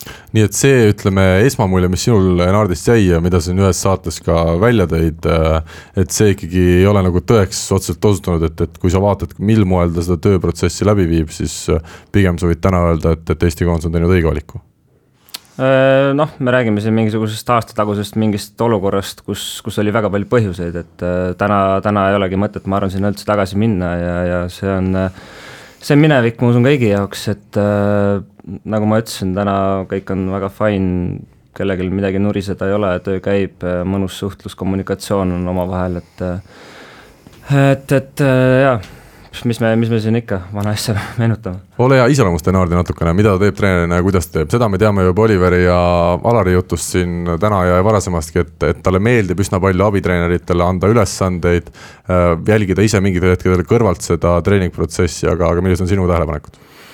no eks ta on selline uue generatsiooni treener, et äh, numbrid on väga olulised tema jaoks ja, ja ma mulle tundub, et ta nagu tajub väga hästi, mis materjal tal käes on, et et ta tunnetab hästi, millele tuleb rõhku panna ja, ja missugused elemendid peavad olema ka une pealt nagu filigraanselt tehtud, arvestades Eesti koondist täna et, et sellised lihtsad pallid ja asjad, me ei, me ei saa seal nagu absoluutselt kuidagi järgi anda ja, ja samamoodi see plokkkaitse, et me peame olema hästi, hästi ebamugavad ja, ja meie vastu selles mõttes ei tohi olla niisuguseid lihtsaid punkte, et me peame neid äh, käsi seal kaitses taha saama ja plokis samamoodi, et äh, et ta on sihuke korralik taktik ja, ja täna oli esimene selline videokoosolek ka ja, ja isegi mingil määral nagu üllatavalt äh, mõnusalt lihtne oli kõik see, see info, mis, mis meile Hispaania mõttes tuli, et võib-olla samm-sammult läheb ka, läheb ka seal rohkem detailidesse, aga, aga mulle üldiselt äh, isiklikult meeldib niisugune, mingid teatud asjad loomulikult peavad paigas olema, aga, aga suures plaanis noh, jalgratast ei ole, ma arvan, vaja leiutada, et äh, et pal-, paljud asjad selguvad ka mängu käigus, et noh, nagu, nagu boksis öeldakse, et äh, kõigil on plaan kuni selle hetkeni, millal esimene pauk sisse tuleb, et selles mõttes sa pead ikkagi tunnetama ja tajuma ka reaalset mänguolukorda sa rääkisid siin plokkkaitsest ja ma tuleksin kohe, haaraksin siis äh, sõnasabast kinni. kui me muidu vaatame koondisele otsa, meil on Kuldliigas puudu Toobal, meil on äh, puudu Robert Täht, meil on Martti Juhkam puudu, Andrus Raadik, Oliver Orav, tundub ikkagi, et päris äh, tähtsad mehed on puudu. siis kas teisalt vaadates just seda ploki asja, meil on temporündajad täna väga heas seisus, kes selles plokis mängivad tähtsat rolli, pluss võtame näiteks Hurt ja Tammearu, kes võib-olla meil Kuldliigat isegi alustavad, äh, vähemalt esimest mängu äkki, kes teab. Äh, on väga kõrge plokiga mehed, ma ei tea küll korrektne, kui korrektne see on, aga väga kõrge on see plokk, et kas võib näha siin mingeid asju, mis meil on ka äkki natukene parem, paremad kui varasemalt? jaa, absoluutselt, et äh, noh, tea, teadupoolest on ju Gerdil, Gerdil natuke vanust ka ja kõike, et äh, noored mehed on äh, natuke pikemad ja, ja natuke kergema lennuga ka, et, et see on kindlasti koht, kus, kus võib-olla meil on väikene selline isegi jah, eelis, et ka kaitsetaktika poolest me ei pea nihutama seda nurgaründajat seal ploki taga, et katta nii-öelda sidemängijat plokis, vaid me saame lihtsalt tavalist süsteemi mängida, et äh, see on kindlasti üks asi jah, noh, nurgameestel raske öelda, sest et ega ju noh Robbie ja, ja Jukkami ja kõik need ka ikkagi ju plokis hüppavad selles mõttes, et sealt mingit kõrguste vahet kui sellist ma ei tea, noh, on või ei ole, et seal, seal nii suurt mingisugust erinevust vast ei ole, aga, aga aga jah, ka meil on mingid mehed puudu, aga noh, see mulle isiklikult see jutt eriti ei meeldi, et alati käib mingisugune rääkimine, ka, ka kunagi, kui me võitsime selle kuldliiga ära, et oh, seal oli see puudu ja too puudu ja no mis see on sport, äh, vigastused käivadki asja juurde ja kogu aeg eeldada, et kõik igal pool on kohal, noh, ei saagi, et äh, et äh, noh, minu arust see on natuke totter tagantjärgi rääkima hakata, et oh, see oli puudu ja too oli puudu, et need, kes on, need on ja, ja noh, nii ongi. Alar, küsimus sulle, kas Tammeru Hurdaga ikkagi terve hooaeg sai tehtud kõvasti tööd seal plokis, et nüüd on see plokk selline, et sealt läbi ikkagi ei, ei tule ükski pall mm,? täiesti erinevad mängijad plokis kui me räägime rünnaku kõrgustest, siis äh, hüppetestid näitasid, et kõige kõrgema äh, tippu puudutab nurgaründajatest ära meil Märt Tammearu. kui me vaatasime plokihüppeid, siis polnud ta esikolmikus isegi mitte. et tema puhul sõltub hästi palju sellest, kas see hoog on või seda hoogu ei ole ehk ploki kõrgus ei ole te võrreldav tema rünnaku kõrgusega. Albertil jälle vastupidi, tema ploki agressiivsus ja võim on muljetavaldav, mina ütleks, et ta on äh, natuke tehniliselt ja võib-olla selle poole pealt ka, milline see plokk välja näeb, eh, Robert Tähe sarnane. et nad on plokis agressiivsed mehed, keda võib ka üks-ühe vastu jätta ja nad on ka siis võimelised väga palju sektoreid ründajal kinni saama aga noh, need on just kaks agressiivset, seal on hästi erinevaid tüüpe mängijaid. aga meil ei ole nurgaründajates ei nendes kõikides viies, kes praegu on olemas, kui ka siis potentsiaalselt kolmes, kes võiks veel eh, koondisega vajadusel liituda, siis eh, suve teises pooles seal ei ole nagu nende parameetrite suhtes eh, väga suuri erinevusi, et rohkem on tehnilistes asjades ja mänguoskuses ja mängu lugemises kui me vaatame neid kontrollmänge, mis Lätiga sai peetud, äh, võib-olla minule just kõrvalt vaadates kõige parema mulje jätsidki nurgamehed äh, Tammearu, Hurt äh, väga hästi esines ka Allik. kas Rene, ma tean, sa ikka julged sellistel hetkedel ka sõna võtta. kes sulle võib-olla kõige parem mulje jättis koondisest just nendes kontrollmängudes? no sa nimetasid need kolm ära jah, et ühel päeval mängis Tammearu hästi, teisel päeval mängis Hurt hästi. Allik mängis mõlemal päeval okeilt et äh, see tegelikult iseloomustabki, ma arvan, seda punti ka natukene, et äh, et meil on äh, omajagu erinevatel positsioonidel võrdväärseid vahetusi, et et, et võib vabalt tihtipeale juhtuda nii, et kes mängu alustab, ei pruugi mängu lõpetada, et see oleks ka võib-olla hea, hea nii-öelda idee ka mängijale endale, et et keegi ei pea, ütleme, siin maailma päästma hakkama, vaid äh, me peame mängima ilmselgelt võistkondlikult ja, ja, ja me peame teadma, et meie selja taga on ka mängijad olemas, et kindlasti, kindlasti ei hakka olema niimoodi, et seitsme mängega paneme siin algusest lõpuni, seda ma, seda ma kindlasti ei usu, et ja ei ole, ei ole ka põhjust, et need Läti mängud kõige rohkem võib-olla näitasidki seda ära, et meil seda sügavust, ütleme, mängijate valiku osas just on rohkem kui Lätil, et noh, kui, kui ütleme, koosseisud kokku pannakse ja Läti ka paneb, et et siis, siis, siis on asi kindlasti võrdsem ja, ja mängu küll ja veel, et aga, aga võib-olla siis jah, meie nii-öelda üldine tervik on lihtsalt tugevam, kui, kui on Lätil, et see võib-olla näitas kõige rohkem seda samas tuletan siin meelde ka Oliveri sõnu, et ei tasu alahinnata vastaseid, et kui Läti koondis meil eelmisel nädalal mängis, siis see, et Tammearu ka mingil hetkel lõi üle ploki palli maha, seda ta võib-olla tegigi Läti vastu, et nüüd saab näha, kui on Belgias meil tõesti väga kuulsad mehed näiteks vastas, et et kas siis ka sellised pallid maha jäävad, et see ilmselt see taseme vahe võib olla päris suur siin sees. ei no absoluutselt, ega ju ega ju päris mängud on päris mängud ja treeningmängudes on ju igast asju, igast mehed teinud, et äh, ma ei taha öelda, et me, me, me oleme need trennimehed, et äh, seda ma ei tahaks ka uskuda, aga, aga aga loomulikult äh, närvikavad on erinevad ja, ja eks selle õige pildi saab, mingi pildi saab selle nädalavahetusega selles mõttes ette, et et ma arvan, see jah isegi okei okay,, see esimene mäng esimeseks mänguks on ülioluline ja, ja nii edasi, et aga, aga ma arvan, keegi ütleme, Torpauti katusele kõõluma ei pea minema, kui esimene mäng ei õnnestu, et äh, viis mängu on peale seda veel ja, ja suures plaanis vast äh, ma ei tea, loomulikult kaotada ei taha, aga, aga aga, aga Hispaaniaga tuleb ka teine mäng, et, et ja, ja Belgiaga ja Lätiga, et selles mõttes see on ikkagi kuuest mängust koosnev äh, väike turniirikene ja, ja ja, ja me vajame kõiki mängijaid kindlasti, et äh, olenemata sellest, kes homme seda mängu alustab, äh, ma loodan ja usun, et keegi ei lase ennast kõigutada sellest ja, ja annabki endale aru, et äh, pikk tee on ees. ma ütlen lihtsalt vahele, et Torpeti katuselt avaneb väga ilus vaade Emajõele, et kui sinna päikeseloojangu all minna, siis, siis tasub minna küll, aga tulla lihtsalt trepist tagasi alla või liftiga, kuidas iganes. kas võrgumehed, teil on kombeks ka ikkagi liftiga käiakse hotellis ringi, seda trepivärki ei ole või on mingisugune era selline sõnum meestele antud, et hoida ka nii-öelda aktiivset liikumist trenni välisel ajal, siis pigem trepist? kui Rene rääkis siin pikalt äh, uuest peatreenerist ja meie esimestest nädalatest, siis äh, treeningu äh, idee ja kogu tegevuse mõte oli viia mängijad piirideni või isegi üle piiride mis tähendaski päris raskeid, päris pikki ja väga tihedaid treeninguid. et kes kui hästi tervise mõttes vastu pidas, aga selliste piiride kompamine, sellega käib kaasas ka liftisõit ehk treppidega ei ole vaja täiendavalt oma põlvi ja hüppeliigeseid koormata. kas te sel nädalal tegite mingisuguseid teste veel mängijatele juurde? Suurem osa teste oli eelmise ajal. aga teil on vaktsiin nüüd tehtud meestele? suurem osa võistkonnast on jah vaktsineeritud, kes ühe korra, kes kaks korda, kes ühe korra, millest piisaski ja nii edasi. päris mitte kõik, nagu ikka, vaktsineerimine on vabatahtlik aga see ei päästa meid sellest, et mõnedele siis ülepäeviti või enne-pärast turniiri, mõnedele igapäevased testid on meil olemas aga füüsilistest testidest rääkides, siis need jäid üle-eelmisse, eelmisse nädalasse, sel nädalal mehed käisid mõõtmas oma luid, et koostöös Tartu Ülikooliga toimus selline luude mõõtmine, et aga see väga testiks, mis sa nimetad. mida sa seal luust mõõdad siis?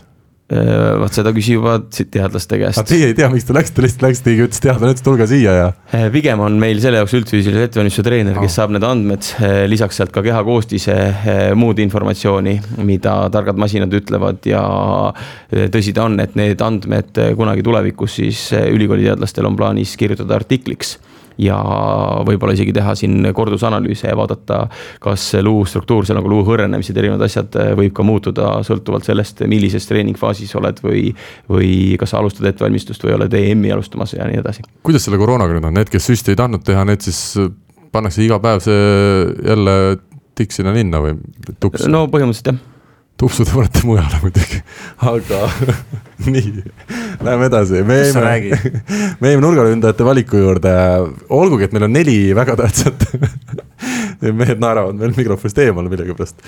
jäid neli tähtsat meest jäid eemale nurgameestest siis sellest Kuldliiga turniirist, siis Allik Tammearu, Kollo Hurt ja Kaibald on tegelikult väga huvitav viisik ikkagi ja ma julgen öelda ka, et tasemel viisik, et me ei saa, me ei saa tõesti nuriseda, et meil on kehv koosseis ka nurgameeste osas nagu Kuldliigaks valmis. Oliver, sa oled nõus? Ja, ja, ja ma arvan, et, et seal on sellist mõnusalt äh, tasavägisust, et äh, et keegi ei saa tunda ennast mugavalt, et ta võiks olla põhi, kindel põhikoosseisu mängija, et äh, kõik peavad ennast tõestama ja kõik tahavad kindlasti mängida, et et siin meie sellest ettevalmistusest Rene võib-olla kiitis treenerit ja, ja, ja seda, et kõik on nagu isuga kallal, et ma ise enda poolt tahaks sama öelda, et väga niisugune hea feeling on ja, ja just näha, kuidas mängijad on nagu motiveeritud ja ja, ja olenemata sellest kes seal, kes seal siis alustab, ma arvan, et me võime tunda ka nendeks mängudeks vastu minnes ennast mugavalt, et meil on võtta vahetusi, et et võib-olla mõned, mõned kogenevad mängijad on puudu, aga need, kes meil olemas on, et need on valmis ja, ja neid on piisavalt palju meil ma toon ühe näite siin kuulajatele ka selle atmosfääri kohta, mis koondises on. Oliver, sinuga seoses see näide tuleb, mis oli huvitav jälgida, et treeneritel või staff'il siis on endal pandud selline üks mäng või kuidas nimetada seda, selline asi, et kui siis äh, jalgade vahelt sa midagi teisel treeneril suudad nagu läbi ajada, olgu see siis võrkpall või joogipudel äh,. ja seda peab siis tegema nii-öelda selle inimese näo poolt, siis äh, tema peab vastutasuks tegema midagi, mis asi see oli, mingi ülesanne seda, kas seda tohib rääkida? ma ei tea jah, selles mõttes ei ole, on... meil on patenteerimata see mäng. aa, see sa rääkisid saladuse välja. laialdaseks hakata. ei, see on lihtsalt selline jaa, üksteisega väikene lõõpimise mäng, et mingi eseme pead jalaga lööma teisel, teisel kahe jala vahelt läbi, et, et siis, kui seda teed, siis on auhind, et et see näida. hoiab nii-öelda erksana trennis kogu aeg ja väike fun fact sinna juurde, et et ei ole nagu tuim töö nühkimine kogu aeg, vaid hoitakse ka tuju üleval, et olgem ausad, ega see ettevalmistus ja eriti nüüd viimane nädal, kui on ka palju analüüsimist olnud, et ega me töötame väga intensiivselt, et ja selles grupis on selles mõttes töö mõttes väga, väga tore töötada, et äh, ikkagi väga tipptasemel äh, ajame oma asju ja, ja ma arvan, et äh, nii-öelda tavainimene ei kujuta ettegi, kui palju nii-öelda asju peensusteni aetakse ja selliste meestega nagu Ernard ja Rikberg ja, ja Pajusalu koos töötada, et äh, see on, see on ka mulle kui treenerile väga niisugune äh, Äh, hariv, äh, annab kogemusi ja, ja, ja see ei pea olema tuim, et tore, et meil on niisugune vahva seltskond, kus äh, osatakse ka natuke nalja teha ja ütleme pärast seda, kui ma sain teada, et selline mäng oli, siis oli huvitav jälgida seda, kuidas ka seal Läti mängu eel siis soojenduse ajal kõik mehed seisid sedasi, kaks jalga olid kõrvuti, et sealt jumala eest midagi läbi ei saa, aga mis siis tegema pidi, kui, kui keegi seda ikkagi suudab teha? No las midagi jääda ikka saladuseks ka. no las jääda midagi saladuseks, meil üldiselt ei ole siin saates see kombeks, aga harjutame ka uusi asju sisse äh,. liberad on meil Silver Maar, Johan Vahter, ma usun, siin me midagi rääkida ei ole, sest see on sama duo, kes meil siis oli ka kontrollmängudes, siin midagi kedagi välja ei jäetud. Ardo Kreek, Timo Tammemaa, Alex Saaremaa, Andri Aganits siis esimesel Kuldliiga turniiril siin Tartus ja nädala pärast siis Liepajas, ma saan aru, et Henri Treial asendab Alex Saaremaad. selline on see valik, äh, ma usun, siin ka väga suuri üllatusi ei olnud. no praegu on ikkagi meil koos koosseisus oli kuusteist meest, et äh, tänaseks on ju kaks tükki neist juba välja võetud, ehk turniiriks saab üles anda neliteist meest. ehk siis kolmest sidemängijast pidi jääma alles kaks, mis tähendab, et alles jäävad Renat Vanker ja, ja siis äh, Robert Viiber ja välja jääb Markus Keel esimesel turniiril ja nurgaründajaid oli viis, kuna üles saab anda neli, siis nurgaründajatest jääb esimesel turniiril eemale Stefan Kaibald. mis nemad sel ajal teevad, on minu huvi, kas nad on ikkagi trennides kaasas või nad heideti täitsa üle parda? ja nad on ikka kogu aeg kaasas, lihtsalt nad ei ole mängul, äh, sest neid ei saa üles anda. ja nagu öeldud, et diagonaal, nende temporündajate puhul juba tehti varem see otsus, et üks mees on ühe nädala, teine mees teeb teise nädala. täpselt samasugused muudatused võivad ette tulla ka nende teiste positsioonide osas. miks Viiber ja Vanker ja mitte Keel? Äh, see oli selline tegus ja põhjalik äh, arutelu kogu treenerite staffi vahel, mis algas sellest, et äh, peatreener ütles oma arvamuse, aga samal ajal küsis. Ehk see ei olnud justkui välja öeldud, vaid ta tõi oma mõtteid ja argumente, siis iga staffi liige sai avaldada arvamust ja eks me üheskoos siis selle otsuse tegime ja lõplik sõna loomulikult nagu alati koosseisu osas jääb peatreenerile nii et Renat Vanker on ikkagi ennast mängimas Eesti koondises üha, üha rohkem pildile. Äh, jah, oli sõprusmängudes meil sidemängija number üks ja ma ise küll loodan ja usun, et veab välja ka Euroliigas. närv peab vastu, tundub äh, seni no seda me näeme siis, kui need mängud pihta hakkavad. noor mees, ma tean, Red vist meid kuulab ka, nii et mina küll isiklikult ka soovin talle palju edu ja, ja jaksu siin selleks suveks. ega siin polegi muud, ma arvan, ka noorel mehel, kui lihtsalt mängida nii hästi, kui võimalik on, sest ega see, et noorel mehel tuleb mingeid vigu sisse tähtsates mängudes oma esimesel sellisel suurel koondissuvel, see on, ma arvan, käib asja juurde. siin on peatreener juba mängijatele selgeks teinud ja seda korduvalt ka toonitanud, et noormees ei ole see, kes seda mängu juhib, vaid vanemad mehed, kes teda toetavad, peavad ta hoidma õigel teel ja küll see mäng siis ka sujuma saab. Robert Viiberit nägin ka Läti kontrollturn, kontrollmängude siis eel seal Riias ruumi minemas, kui tere ütlesin ja üks mure oli, et ta oli jäänud lühemaks, ta ütles et äh, nüüd ta on vist kakssada viis täpselt või midagi sellist oli see info. ja kui ma käisin üleeile äh, seal ülikooli äh, laboris, siis selgus, et ma olen ühe sentimeetri pikemaks kasvanud sul olid kontsad all lihtsalt, ma arvan, seal. ei, proovisime mõõta nii tossudega kui ka paljajalu ja tõesti üks sentimeeter on kuskilt juurde tulnud pärast kolmekümnendat eluaastatel kuidas siis Robert Viiber meie Eestile peaaegu kõige pikem sidemängija täna, millisest, millisest küljest ta on ennast näidanud? Äh, huvitav, eks tal on oma positiivsed küljed, on ka selliseid kõikumisi ja nagu öeldud, ega iga mees ju tegi nädalaid trenne selle nimel, et esiteks saada üldsegi sellesse valikusse. siis, et saada sinna neljateist hulka, kes turniirile üles antakse ja see võitlus käib meil päevast päeva veel edasi, et äh, kes on lõpuks see mängija igal positsioonil, kes siis väljakul on, kui mänguks läheb diagonaalründajad suure üllatusena pääsesid valikusse siis Rene Teppan ja Oliver Venno. Äh, ma ei tea, kas Alar soovid ka tutvustada neid mängijaid kuulajatele? Äh, jah, need on kaks sellist äh, kogenud ja juba päris korralikku võrkpallurikka jõudnud meest ja ütleme nii, et keegi vast väga üllatunud ei ole, et nemad just on need, kes kes meil siin Eesti koondise särgi kuldliigas selga tõmbavad aga kumb neist siis korraga nüüd, korraga nad ei ole, kumb neist platsil on. no Oliver pärast korraga äh, siis äh, noh, ega sa korra mainisidki, et ei tea, kas, kas ja kes teab äh, näiteks homse mängu algkoosseisu või algkuuikut, siis loomulikult meie treeneritena teame, aga sellest on veel vara rääkida, ega selle neliteist nime, miks ma välja ütlesin ka selle, et need kaks välja jäid, on see, et see info on juba avalik, need koosolekud on toimunud, see info on olemas. eriti selleks hetkeks, kui saade eetrisse läheb. vaata, meil saade selline, et ega siin saab saate jooksul saab põhimõtteliselt ikkagi aru, kes on algkoosseisus, vankerist sai juba räägitud räägitud, eelmine nädal oli põhimees ja noh, siin oli ka vihjeid, et ta võib olla ka siin kuldliigas. siis oli meil juttu juba, et äh, Tammero ja Hurt on toredad mehed. Nendest rääkisid ainult sina noh, sedagi. sina, sina ei pane Eesti koondise algkoosseisu paika. aga vaatame, head võrkpallisõbrad, kes täna seda Eesti ja Hispaania mängu hakkavad jälgima, kas läheb ega mul tegelikult ei ole ju äh, teadmist rohkem kui kui isiklik arvamus ja võib-olla ka salajased allikad, aga äh, see selleks. Äh, läheme siis selle diagonaalründajate jutuga edasi.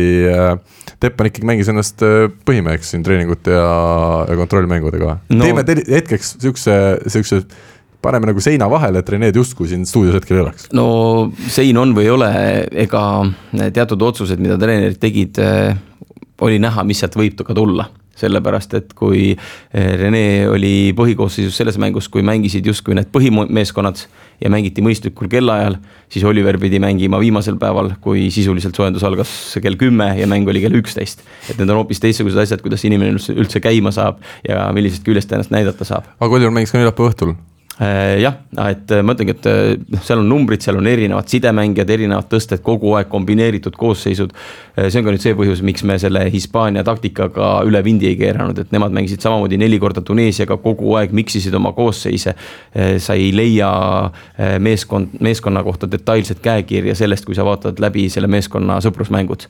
selleks on vaja korralik kogus tähtsaid mänge kui me hakkame EM-i mängima, meil on olemas vastaste kohta maailmaliiga, olümpia, Euroopa kuldliiga või hõbeliiga või kus iganes, kes mängib. siis on juba näha, et kui on millegi peale mäng, kuidas nad on mänginud, sealt saab ka vastast tundma õppida mis see Venno hetkeseis siis on, mina nägin teda tõesti, kuna ma laupäeva hommikul enam saalis ei olnud, neljapäeva õhtul teda ja noh, pigem ta mingit väga suurepärast muljet ei jätnud, aga no ma ei tea, kui palju selline treening. hommikuti on parem sa näed õhtul vaata, aga see üks mäng, mis ta sai hommikul mängida, täna hommikul trennis tegi väga korralikke esitlusi, et no, tule vaata vahepeal hommikul. no te peate siis Kuldliga ja EM-finaalturniiri ka hommikule panema, et, et kuuldavasti need mängud on õhtu pigem. Ei no Oliver on juba nii vana ja nii palju aastaid koondises olnud, et küll ta enda sisemise motivatsiooni leiab ka siis, kui selleks on rohkem põhjust ja ta ei ole päris selline, kes iga päev äh, selle vindi üle keeraks et äh, on seal vanust, äh, tuleb vaadata ja mõelda natuke ka selle peale, kuidas see enesetunne on, et see värskus mängudeks püsiks. et tema puhul on ikkagi see, et ta võib ükskõik mida teha seal treeningmängudes, aga kui on tähtis mäng, siis äh, tal on nii palju seda kogemust ja tal ka närv ei, ei liigu kuhugi poole, et, et sa tead, et temast võib ikka abi olla jah, aga natuke raske on seda ennustada, seda me saame öelda siis, kui meil mingid mängud on peetud. selge räägime natukene ja lühidalt sellest, mida siis meie Kuldliiga alagrupikaaslased on teinud seni. Äh, Belgia mängis Poolaga sõprusmänge, kaotas kõik kindlalt, aga see on ka arusaadav, arvestades Poola seda seisust täna. ja Hispaania siis mängis Tuneesiaga, kas sa, Alar, ka tead, kuidas need mängud seal lõppesid? Äh, ja ikka, Tuneesia võitis ühe nendest mängudest kolm-kaks ja kolm mängu võitis siis tulemusega kolm-üks Hispaania et eh, nagu öeldud, mõlemalt poolt hästi palju kombineerimist. ja me korra vist juba seda isegi äkki saates rääkisime seda Poola ja Belgia teemat. noh, nüüd on nende mängude videod ka punkt punkti haaval minul ja siis Märt Pajusalul üle vaadatud.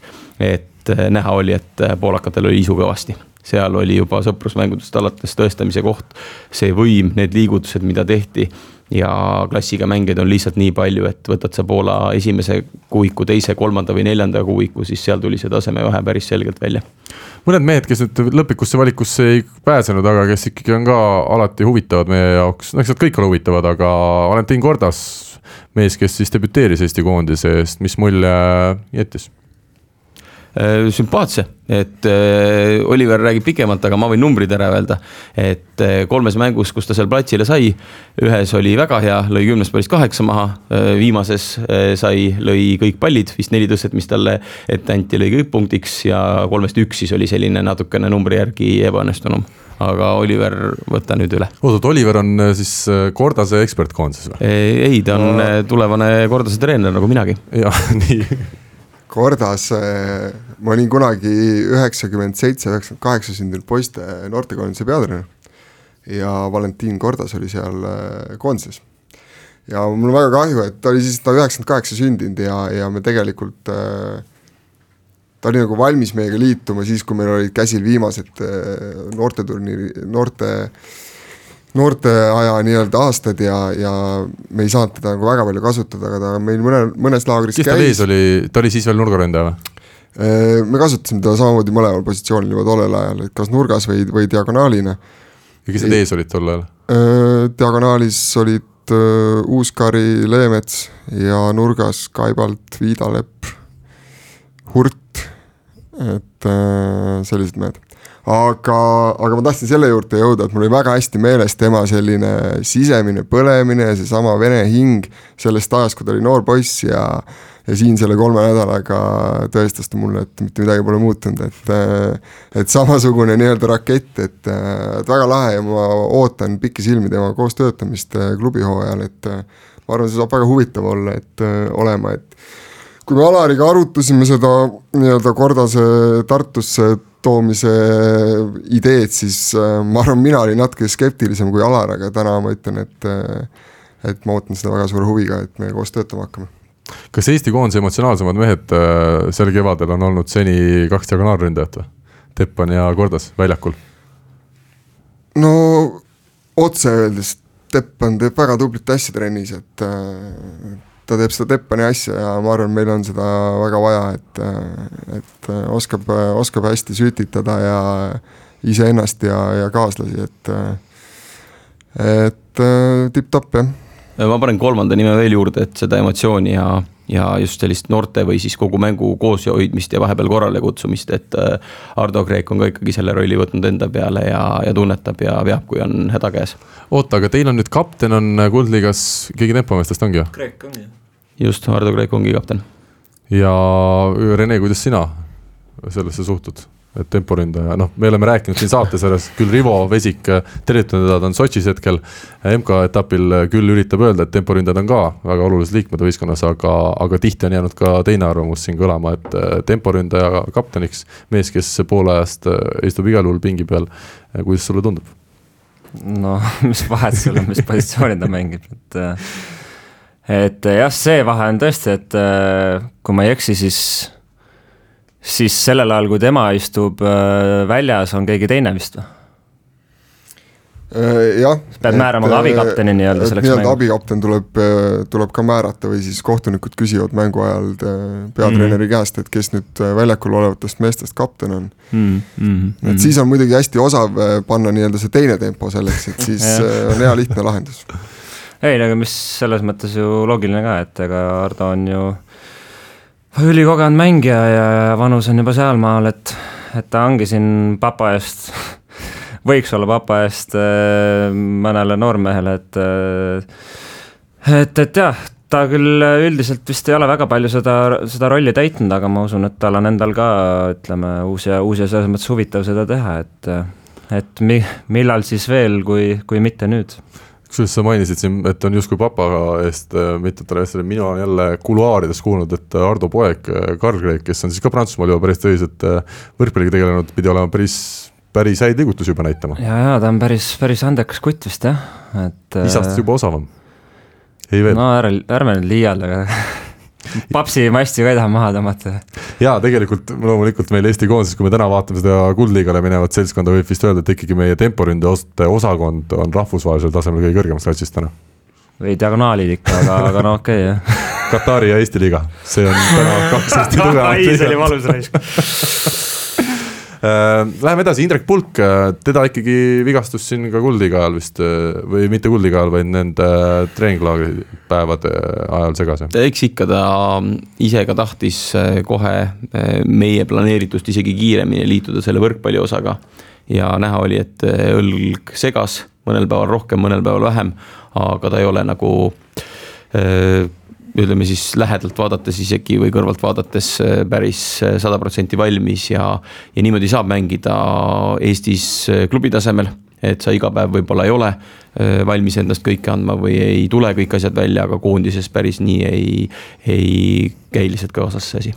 Mart Naaber siis oli temporündaja, kes meil ka sellest kuldliiga valikust välja, aga läheme edasi, mis te naabriga teete, Tartu Bigbank jah, ei, uuel hooajal läheb ta välismaale äh, Mart äh, otsib ikkagi välismaale endale klubi ja vaatame, kuidas tal see klubi otsimine õnnestub. Rene, vahele sul ka küsimus, ei ole uut koduklubi veel välismaalt äh, tulnud? ei ole ja, ja tundub, et läheb päris põnevaks ahah. mitte selles mõttes. sa meie käest ei küsi, et mis te selle Rene Tepaniga teete? ei, kohe-kohe. juba ammu öeldi ära, et siin Tartusse mind ei võeta, aga aga, aga jaa, ei, selles mõttes, et mitte, et ma lähedal oleks, et äh, pigem, pigem teistpidi põnevaks, et võib, võib päris tükk aega veel minna, kui, kui see selgub, jah. aga tuleb tunnistada, et ma ei tea, kas see nahk on nii paks juba aastatega või, või mis toimub, aga ei põe no aga Tartus on ju teine diagonaal on veel jätkuvalt lahtine minu arust. teine diagonaal on hetkeseisuga ikkagi Ergo Hansmann. no see on, see on läbi. kui siis kolmas. et Ergot üle ei mängi veel no tuleb vaadata treeningutel. aa, et ikkagi treeningutele Rene tuleb? no kui tal nüüd, kui tal nüüd septembri keskpaigaks ikka veel lepingut ei ole, eks me siis äh, istume maha ja kutsun ta enda kontorisse kohvile ja vaatame, mis no, mis saab Ergost, mis saab Ergost äh,? ei no Ergo saame vajadusel. ma lähen trenni appi pudeli tõdama? no Esialgu. igasugu kolme diagonaaliga saab ka trenni teha ja? ja väga edukalt, me tegime seda siin üle-eelmine suvi, jah hmm.. kuidas see välja näeb siis? mina üks äh, on kogu aeg väljas. üks oli väljas jah, aga, aga kuidagi päris hästi tegelikult isegi toimis mingil määral, et äh, et sai neid, äh, sai neid olukordi seal jaotada jah, et jah, seal olid ka mingid põhjused, miks nii oli, et pulk oli, tollel hetkel oli pulk kõige, kõige tervem ja teravam ja värskem meist kolmest, et et täna, täna kahjuks nagu selles mõttes vastupidi, et, et Indrekul on tervisemured ja eks ta annab annab ise aru, mis, mis seisud või mis mõtted tal üldse seoses võrkpalliga on. loodame, et Indrekul ikkagi see tervis läheb paremaks, kui nüüd puhkust saab, aga ma ütlen veel vahele, et kui sa rääkisid siin koondises oli see mure, et oli liiga palju diagonaale, siis rahvaliigas meil on vahel olnud vastupidi, et ei ole trennis ühtegi diagonaali, sest tagaliinist ei suuda keegi rünnata tugevalt, aga Rene on valmis Tartu stuudiost juba välja minema, õnneks on meil uks pandud lukku ja võtame ette hoopis Kuldliiga B-alagrupi Rumeenia, Slovakkia, Holland, Ukraina, no siin on vist küll ainult üks edasipääseja. nojah, ma ei tea, mis koosseisuga Ukraina ja Holland kohal on, aga Holland peaks ikkagi favoriit olema ju äh,. väga keeruline, Holland, äh, ma nüüd ei tea, kas ta mängib või ei mängi, seepärast Holland sai koha maailmaliigasse ja mis sellest saab ja mis sellest süsteemist üldse saab et kui Holland. oota, miks nad maailmaliigasse sõid? sellepärast, et Hiina loobus ja nad põhimõtteliselt ostsid endale koha Hiina ja. asemel. ja eks see olukord on segane, et me alustame võistlust ja ma ei välista, et võistluse ajal muudetakse ka võistlussüsteemi kui juhtub nii, et jääb üks alagrupp kolmene, kas siis äh, parima teise äh, arvestamisel äh, lähevad arvesse kõik mängud või elimineeritakse nii nagu EM alagruppides mängud viimase meeskonna vastu. et asi on piisavalt lahtine, et minna mängima lihtsalt iga mängu võidu peale ja mitte mõelda selle peale, mis seal mujal toimub kuule, aga kui sa nüüd ütled, Holland ostis omale koha sinna maailmaliigasse, minu arust CEF on sihuke organisatsioon, et nad võiks lihtsalt tulevadki nüüd praegu Belgia, Eesti, Läti, Hispaania kokku ja hakkavad kõik rahalapakatega viskama sinna lauale. kes kõige suurema summa viskab, see saab siis finaalturniirile ja finaalturniir viiakse samamoodi läbi.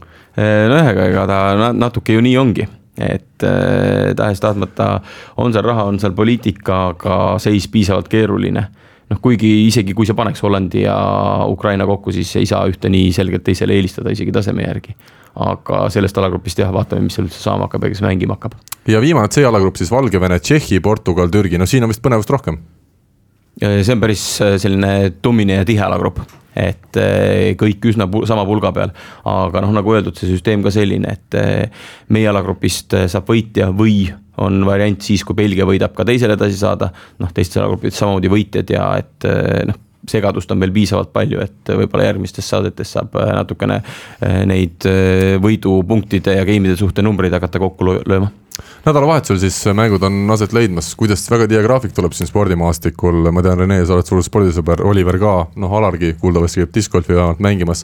Äh,. kuidas, kuidas nädalavahetus tuleb, meil on Euroliiga korvpalli, Euroliiga Final Four, reede-pühapäev, meistrite liiga jalgpalli finaal laupäeva õhtu, kindlasti on midagi veel, Läti sõna köötsis ja mitmevõistlus. Äh, meeste maailmaliiga alustab ka homme. no võrkpall niikuinii, eks ole, et kuidas, äh, kuidas sa hakkama saad see nädalavahetus, sul on Kordus TV on hotellis Dorpatis ilusti olemas või? sellega on keerulised lood ei ole kahjuks ja kanalitega on ka nagu on, et, et jaa mm,. no Götzise puhul ilmselt vaataks tulemusi nagunii ainult, et, kuigi ETV teeb otseülekande, ma vaatasin aa ah,, okei okay., siis, siis isegi võib-olla viskaks pilgu peale jah, aga e-, endale pakub võib-olla kõige rohkem huvi see Euroliiga Final Four, et et noh, jalkameistrite liiga on ka tore ja seda finaali ma tavaliselt ikkagi ka vaatan, et aga, aga üldiselt jalgpall nii igapäevane minu jaoks selles mõttes ei ole, et, et aga aga jah, Kosovo Final Four tõotab ikka väga põnev tulla, et seal on nii mõnelgi võistkonnal on pinged peal ja, ja nii mõnigi saab natuke rahulikumalt võtta ja seal juhtub alati midagi, et et selles mõttes kindlasti põnev, aga, aga kellaajad vist kõige paremini ei klapi, kuna me ise mängime suhteliselt õhtuti. no ma saan aru, et vennal oleks vaja hommikuti mängida, Reneel oleks vaja hommikuti mängida, miks me, me saame ise korraldama seda Kuldliiga turniiri, kas ei saanud siis hommikuks panna? no me tahaks natukene ka Eesti fännide peale mõelda, et eh, need mõistlikul ajal teleekraani ette saada, et nendel ka ei oleks vajadust hommikul üles tõusta siis eh, isiklike, meie isiklike põhjuste tõttu. see oli, kuidas Oliver ja Alar teie nädalavahetus, kas ainult võrkpall või ikkagi jälgite no, muud ka? ma arvan, et reede õhtu tuleb veel Lätit kõvasti vaadata ja laupäeva õhtul tuleb Belgiat vaadata, et see on meie sport. no pigem jah, siin on ikkagi praegu juba meil kava paika pandud ja unetunnid ei ole tavapärased, et see on juba ette näha, et sealt tuleb iga päev mõni unitund, unetund näpistada ja pärast seda turniiri ma arvan, et treenerite staff on küll paras hunnik laipu ja vajavad ühte päeva puhtalt väljamagamiseks Äh, ütlen ka kuulajatele, kes ei mõista võib-olla Alari huumorit veel, et, et laipu ülekantud mõttes Eesti treenerid peaks olema ka sügisel EM-finaalturniiril kõik elus ja terved. aga naised siis pidasid äh, Austriaga meil kontrollmänge võõrsil. Äh, võideti ja kaotati, aga ütleme, suuri järeldusi vist sealt teha ei saa, kuna ka videopilti ei edastatud, siis ei julgegi siin pikemalt midagi sõna võtta. tähtis on nüüd see, et hõbeliiga turniir on kätte jõudmas, samamoodi siis esimene turniir turniir nädalavahetusel Bosnias on aset leidmas ja kuivõrd ikkagi me EM-finaalturniirilt jäime seekord välja, siis seda tähtsam see hõbeliiga turniir meil on.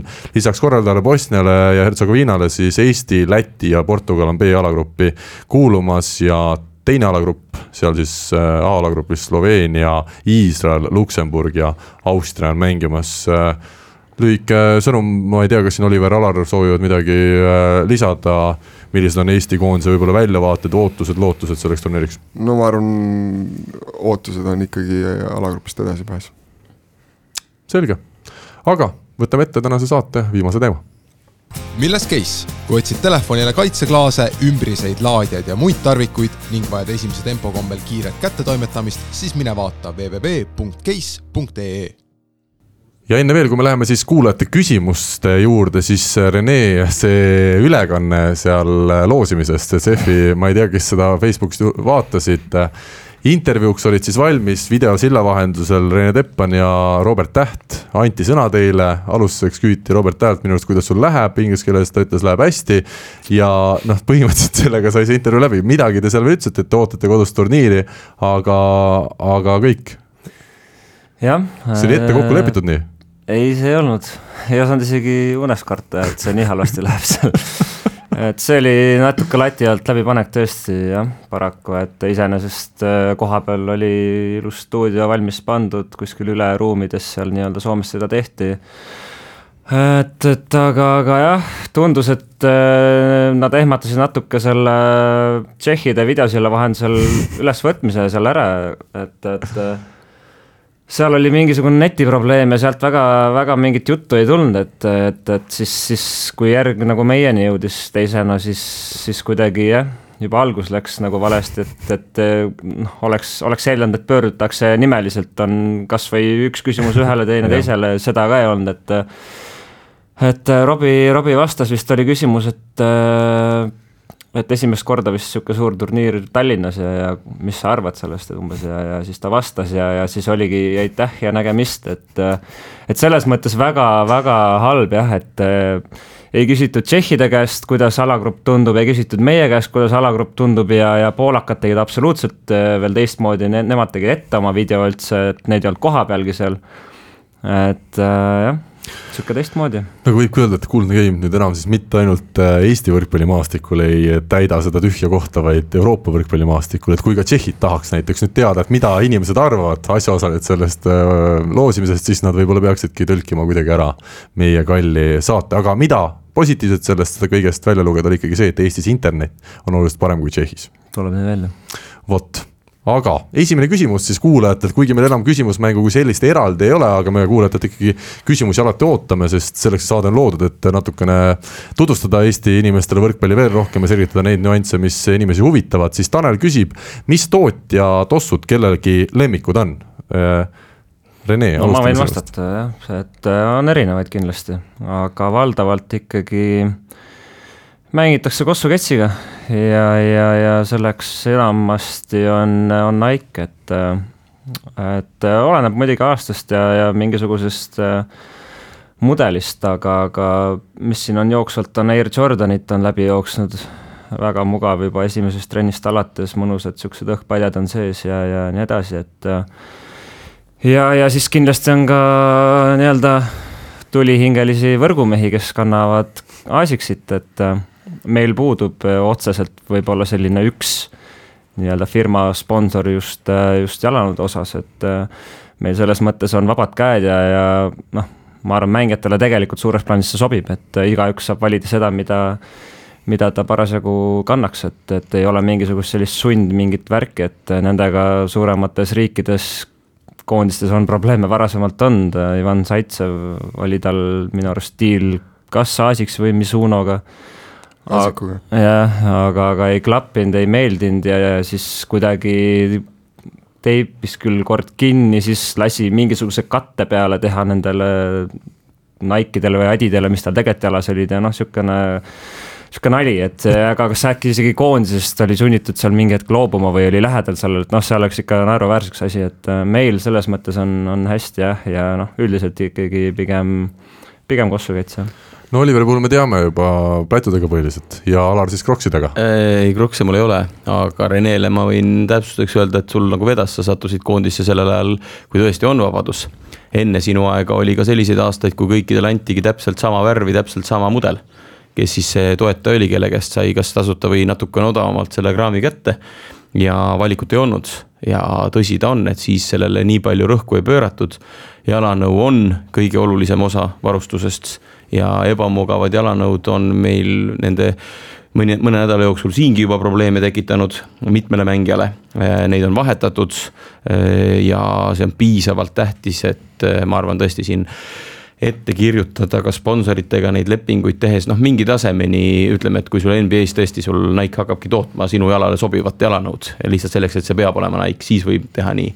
aga meil on mõistlik hoida seda joont, et me anname mängijatele vabaduse ja nad valivad selle, mis nende jalale sobib või neil endale mugav tundub. et noh, on erinevaid firmasid ja, ja sundust ei ole ja ei ole ka mõtet peale panna, et peab andma valiku ja ma jah, isegi siinkohal tegelikult ka noormängijatele, et et ärge valige tossu selle järgi, kui äge ta välja näeb, vaid et kui mugav ta on ja kui ütleme, kehasõbralik ta on, et kui ma ise tagantjärele mõtlen, siis ma arvan, mu oma seljaprobleemid seal Belhatavis tookord, mis mu karjäär, mitte karjääri, vabandust õnneks küll mitte karjääri, vaid hooaja lõpetasid ma arvan, tulidki just äh, suurel määral äh, jalanõudest, et äh, mulle meeldisid tollel hetkel, noh, siiamaani iseenesest meeldivad hästi kerged siuksed äh, siuksed pehmed tossud, aga, aga kui ikkagi teadupärast tippklubides, tippkoondistes ja noh, ütleme ikkagi tehakse palju tööd, et ja hüppe, hüpete arv on väga suur, siis see põrutus on ikkagi meeletu ja, ja, ja sellel võivad kurvad tagajärjed lihtsalt olla tervisele. üks fakt siia vahele, Eesti rannavalakoondisel ei ole minu teada kunagi olnud tossu partnerit või toetajat. ei, ikka need pläitu toetajad. aa, need on olnud jah, selge, Oliver, kas tahad ka jätkata siin teemat, mida sina kannad? Ma olen ikka vanakooli mees, et äh, Mitsuno ja Asiku võrgutoss, kaks trenni päevas, siis üks läheb äh, hommikul, teine õhtul, et. Ja siin lisaküsimus ka, et äh, mis juhtub, kui lähevadki, ütleme, koondislasel jalanõud katki keset trenni, kas siis koondises kohe keegi abimees jookseb lattu ja, ja võtab järgmise paari, on need olemas kuskil või kuidas sellega seis on? ei no ikkagi üldiselt äh, jah, meil on vist suve peale äkki kaks paari ette nähtud, hetkel, hetkel nii-öelda võeti välja üks paar, et aga, aga no ilmselgelt äh, hooajast on midagi ka ikkagi järele jäänud ja, ja kaks-kolm paari, ma usun, on kõigil siin kaasas, et selles mõttes, kui midagi peaks juhtuma, siis sa lähed lihtsalt riietusruumi, mitte lattu, et nii, nii keeruline. ja seda, mida Rene kirjeldas, on meil nende viimaste nädalate jooksul korraga juhtunud. et ei läinud nad katki, aga lihtsalt äh, väsisid ära ja ühel mängijatest keset trenni ei olnudki hetke muud üle, kui jooksis riietusruumi, eh, tõi teised tossud, aga need olid tal täiesti uued ja ütleme nii, et see trenn oli ka üsna hukas, sellepärast et ega uutega ei saanud. ja siis ta ostis sellesama vana mudeli, eh, lihtsalt uued tossud, millega ta nüüd mängib, et eh, see on ikkagi päris tõsine asi ja, ja ma küll näen, et tippsportlane noh, ise peab mõtlema selle peale, et sul on mingi varu, sa tead, mitme kuu pärast ta läbi läheb ja eks jalg annab tunda ka, et mingi hetk vaatad nii, et näed, nüüd hakkab siit enesetunne vähe kehvemaks minema ja räägid oma mänedžeri või kellega iganes või, või lähed ise poodi ja organiseerid selle, et, et saaks vajadusel välja vahetada, päris uue tossuga olulist mäng, mängu mängima minna ka ei ole mõtet, et see peab natuke sisse kantud olema. küsin ühe spetsiifilise küsimuse, mina tean jalgpallis kunagi õpetati, et kui sul on uus paar putsasid, siis äh, käi, mine pane vanni soe vesi ja mine nende putsadega sisse, et siis ta võtab kohe kehakuju sisse, kas midagi, mingit õpetussõna või sellist ähm, noh, midagi head on siin noortele näiteks öelda, et kuidas toss paremini saada sobima või see ikkagi oleneb ainult tossu kujust või? No ma arvan, et äh, putsaga natuke teine, sest selle tald on nii jäik või see nii-öelda see korkide osa seal, et võib-olla see vajab mingit äh, mingit sissesulatamist, aga, aga tossud üldiselt ikkagi mingi paari nädalaga peaks ju jalga minema, et jalga sobima, et et lihtsalt tuleb enda jaoks, nagu Rene ütles, et tuleb enda jaoks hea mudel leida ja, ja ei maksa kogu aeg vahetada, et kui tuleb äge värviline või või roosa välja, et ega see roosa ei ole selles mõttes parem toss kui, kui mingi tagasihoidliku must või valge. selge, võtame järgmise teema ja kuna siin Endal olid kuldsed hooaja alguses ei peagi midagi lisama. Äh, järgmine küsimus ongi natuke selline ro roosa ja kuldne justkui ka oma sisult. Siim küsib, tervist, mis on iga Kuldse Game'i liikme levinuim hüüdnimi ja teine muidugi lisaküsimus on veel parem, mis meistriliiga võrkpalliklubis ükski mees ei mängiks, peab olema klubi hüüumärgiga, lugupidamisega Siim. alustame siis hüüdnimedest, Alaril on vist küll L läbi aegade. ei ole läbi aegade, see nimi Äh, algas keskkoolist ja mu enda noorem vend mulle selle nime pani. Aga tõesti, ega rohkem neid praegu kasutuses ei olnud ja ja ütleme niimoodi, et sellest hooajast on ka uus äh, peatreener ja kõik ülejäänud rahvusvaheline seltskond selle nime päris igapäevaselt kasutusele võtnud. Al Pandi, ma tean, oli üks kuulus tegelane. seal ei järgi? olnud isegi see põhjus, seal oli, koolis käis veel üks Alar, keda kutsuti ka Aliks ja siis nii ta külge jäi. aga Rait on jah, äh, teda peab tänama selle hüüdnime eest. täname Raitu. Äh, Rene.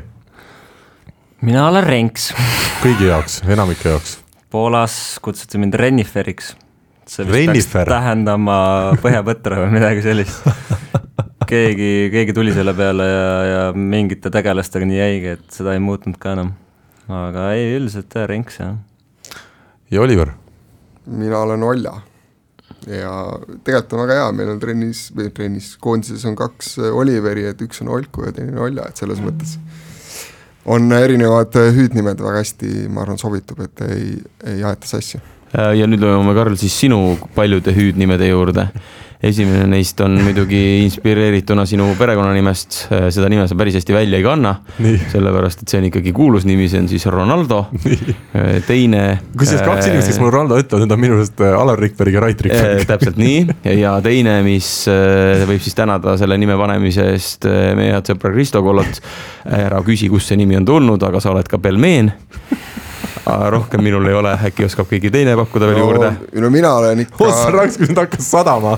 mina olen ikka Carri Naldot kutsunud ka korduvalt Antoniks vot sinna ma tahtsin ka ise jõuda, et kooli ajal meil oli ka kaks Karli, üks oli Karl Hannes, teine oli Karl Anton, mina olin see Karl Anton ja siis keegi Karliks ei jõudnud, siis olin kõigi jaoks Anton, aga.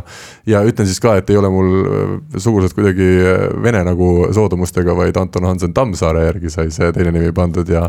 ja lisaks oli mu ka vanaonu oli Anton, selline huvitav. ehk siis Eesti võrkpallimaastik hakkame nüüd Karl Rinaldot kutsuma Karl Anton Rinaldoks. no niikaua, kui te mind pelmeeniks ei kutsu, olen ma väga õnnelik kõige üle. aga teine pool küsimusest siis äh, mis meistriliiga võrkpalliklubis ükski mees ei mängiks ma... no see küsimus on ainult Renele ju ei no me võime seda laiendada, aga, aga Rene, palun. miks lisame sinna juurde ka juhendaks? absoluutselt. no kus ei mängiks või? jah. Eesti meistriliigas? noh, meil on viis klubi. no arvestades kogu kompotti no sportlane, sa ei saa öelda seda, ei tohi nagu öelda jah.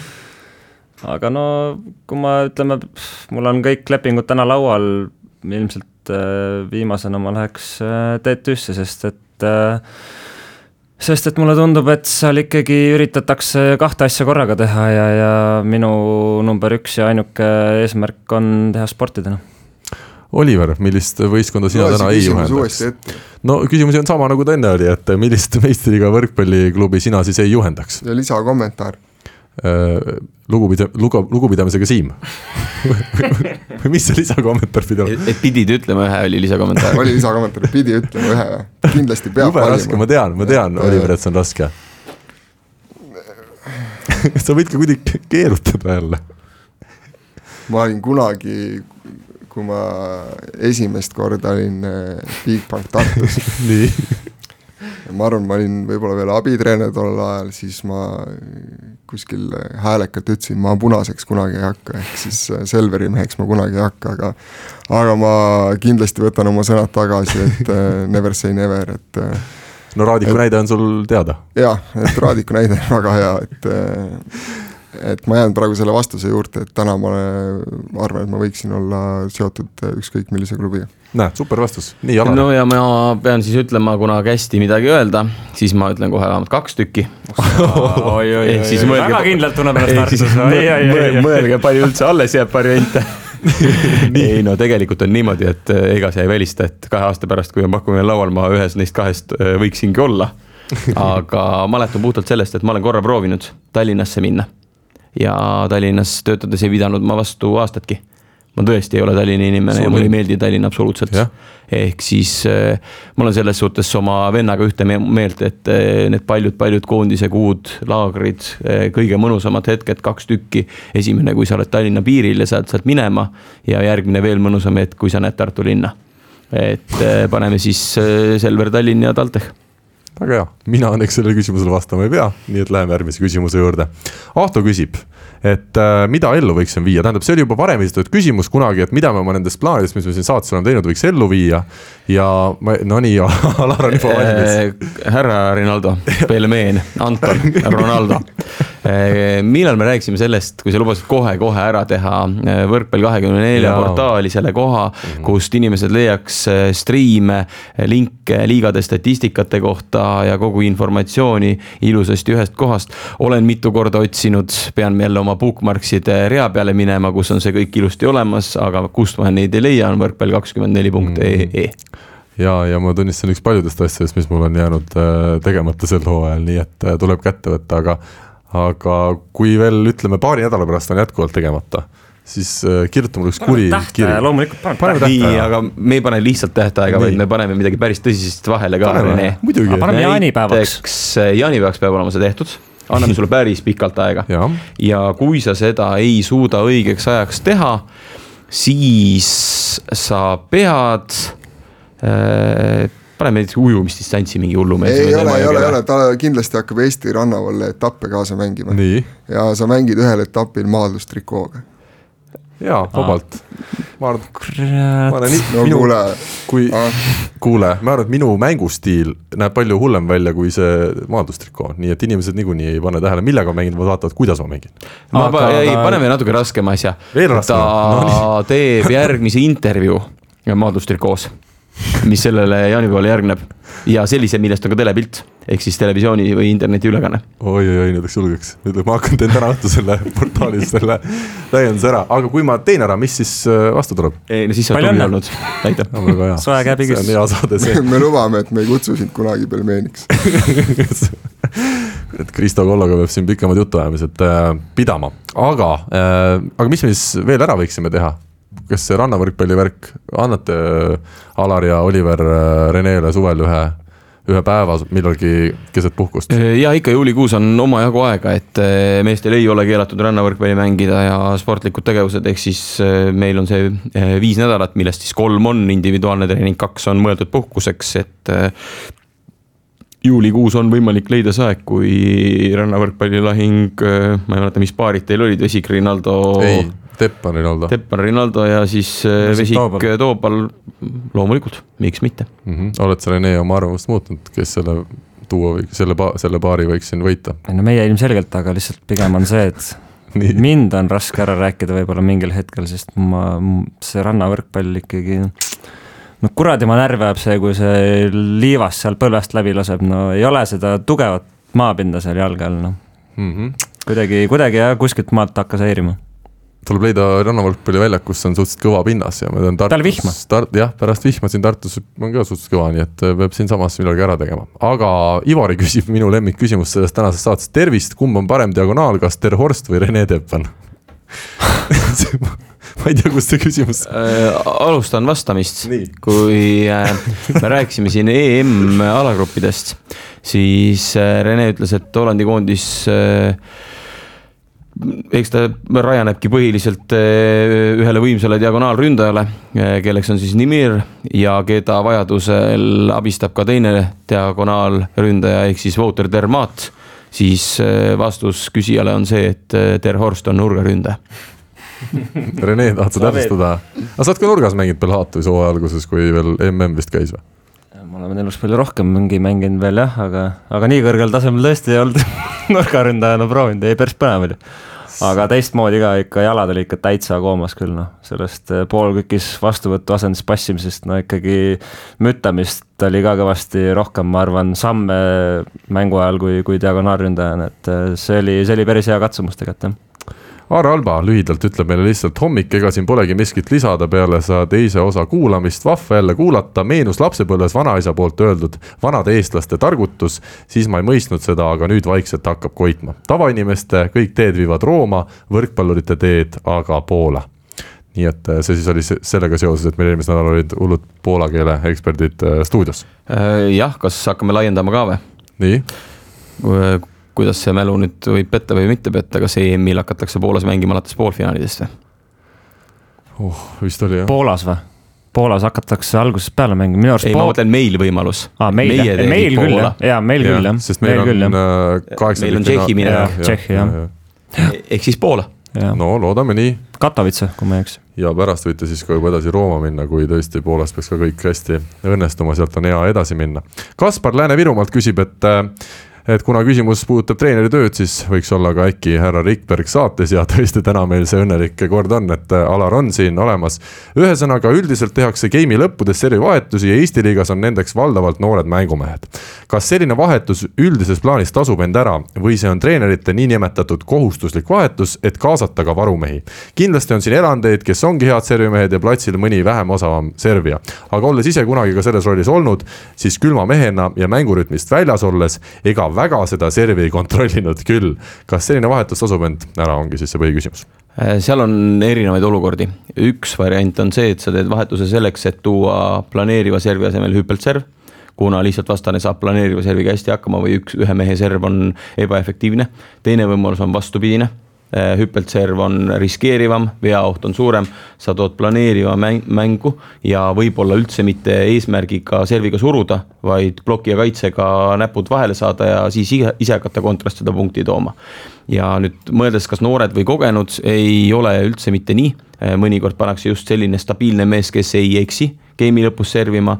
ja noortega võib juhtuda niimoodi, et neid pannakse kriitilisel hetkel ja seda on ka juhtunud. aga võib juhtuda, et see game'i lõpp on ka kakskümmend neli, kuusteist seisul. siis antakse hoopiski noorele lihtsalt väljaku aega, et neid situatsioone, millal seda vahetust tehakse ja põhjuseid on päris palju ja ma lisaksin Alari põhjalikule ülevaatele veel ühe situatsiooni, et kui kui ei ole näiteks kõige parema serviga temporündaja servimas, et et mina näiteks Soomes kasutasin ühte, ühte nurgaründajat, kes oli väga hea serviga, game'i lõpus tempo asemel servima ja tänu sellele läheb ka kaitse tugevamaks, et et see on ka üks võimalus, et sa saad nagu kaks asja korraga, et nii, nii võib-olla servi tugevdada, kui ka siis temporündaja sealt välja võtta, kes tagaliinis nii osav ei ole aga, aga rääkides sellest, et äh, tuli sisse ja palli ei kontrollinud, tegelikult see on roll nagu iga teinegi, et äh, jah äh,, võrkpallis on natuke teistmoodi, et sul ei ole aega nagu kossus paned, ma ei tea, ühest otsast teise võib-olla kaks korda ja siis,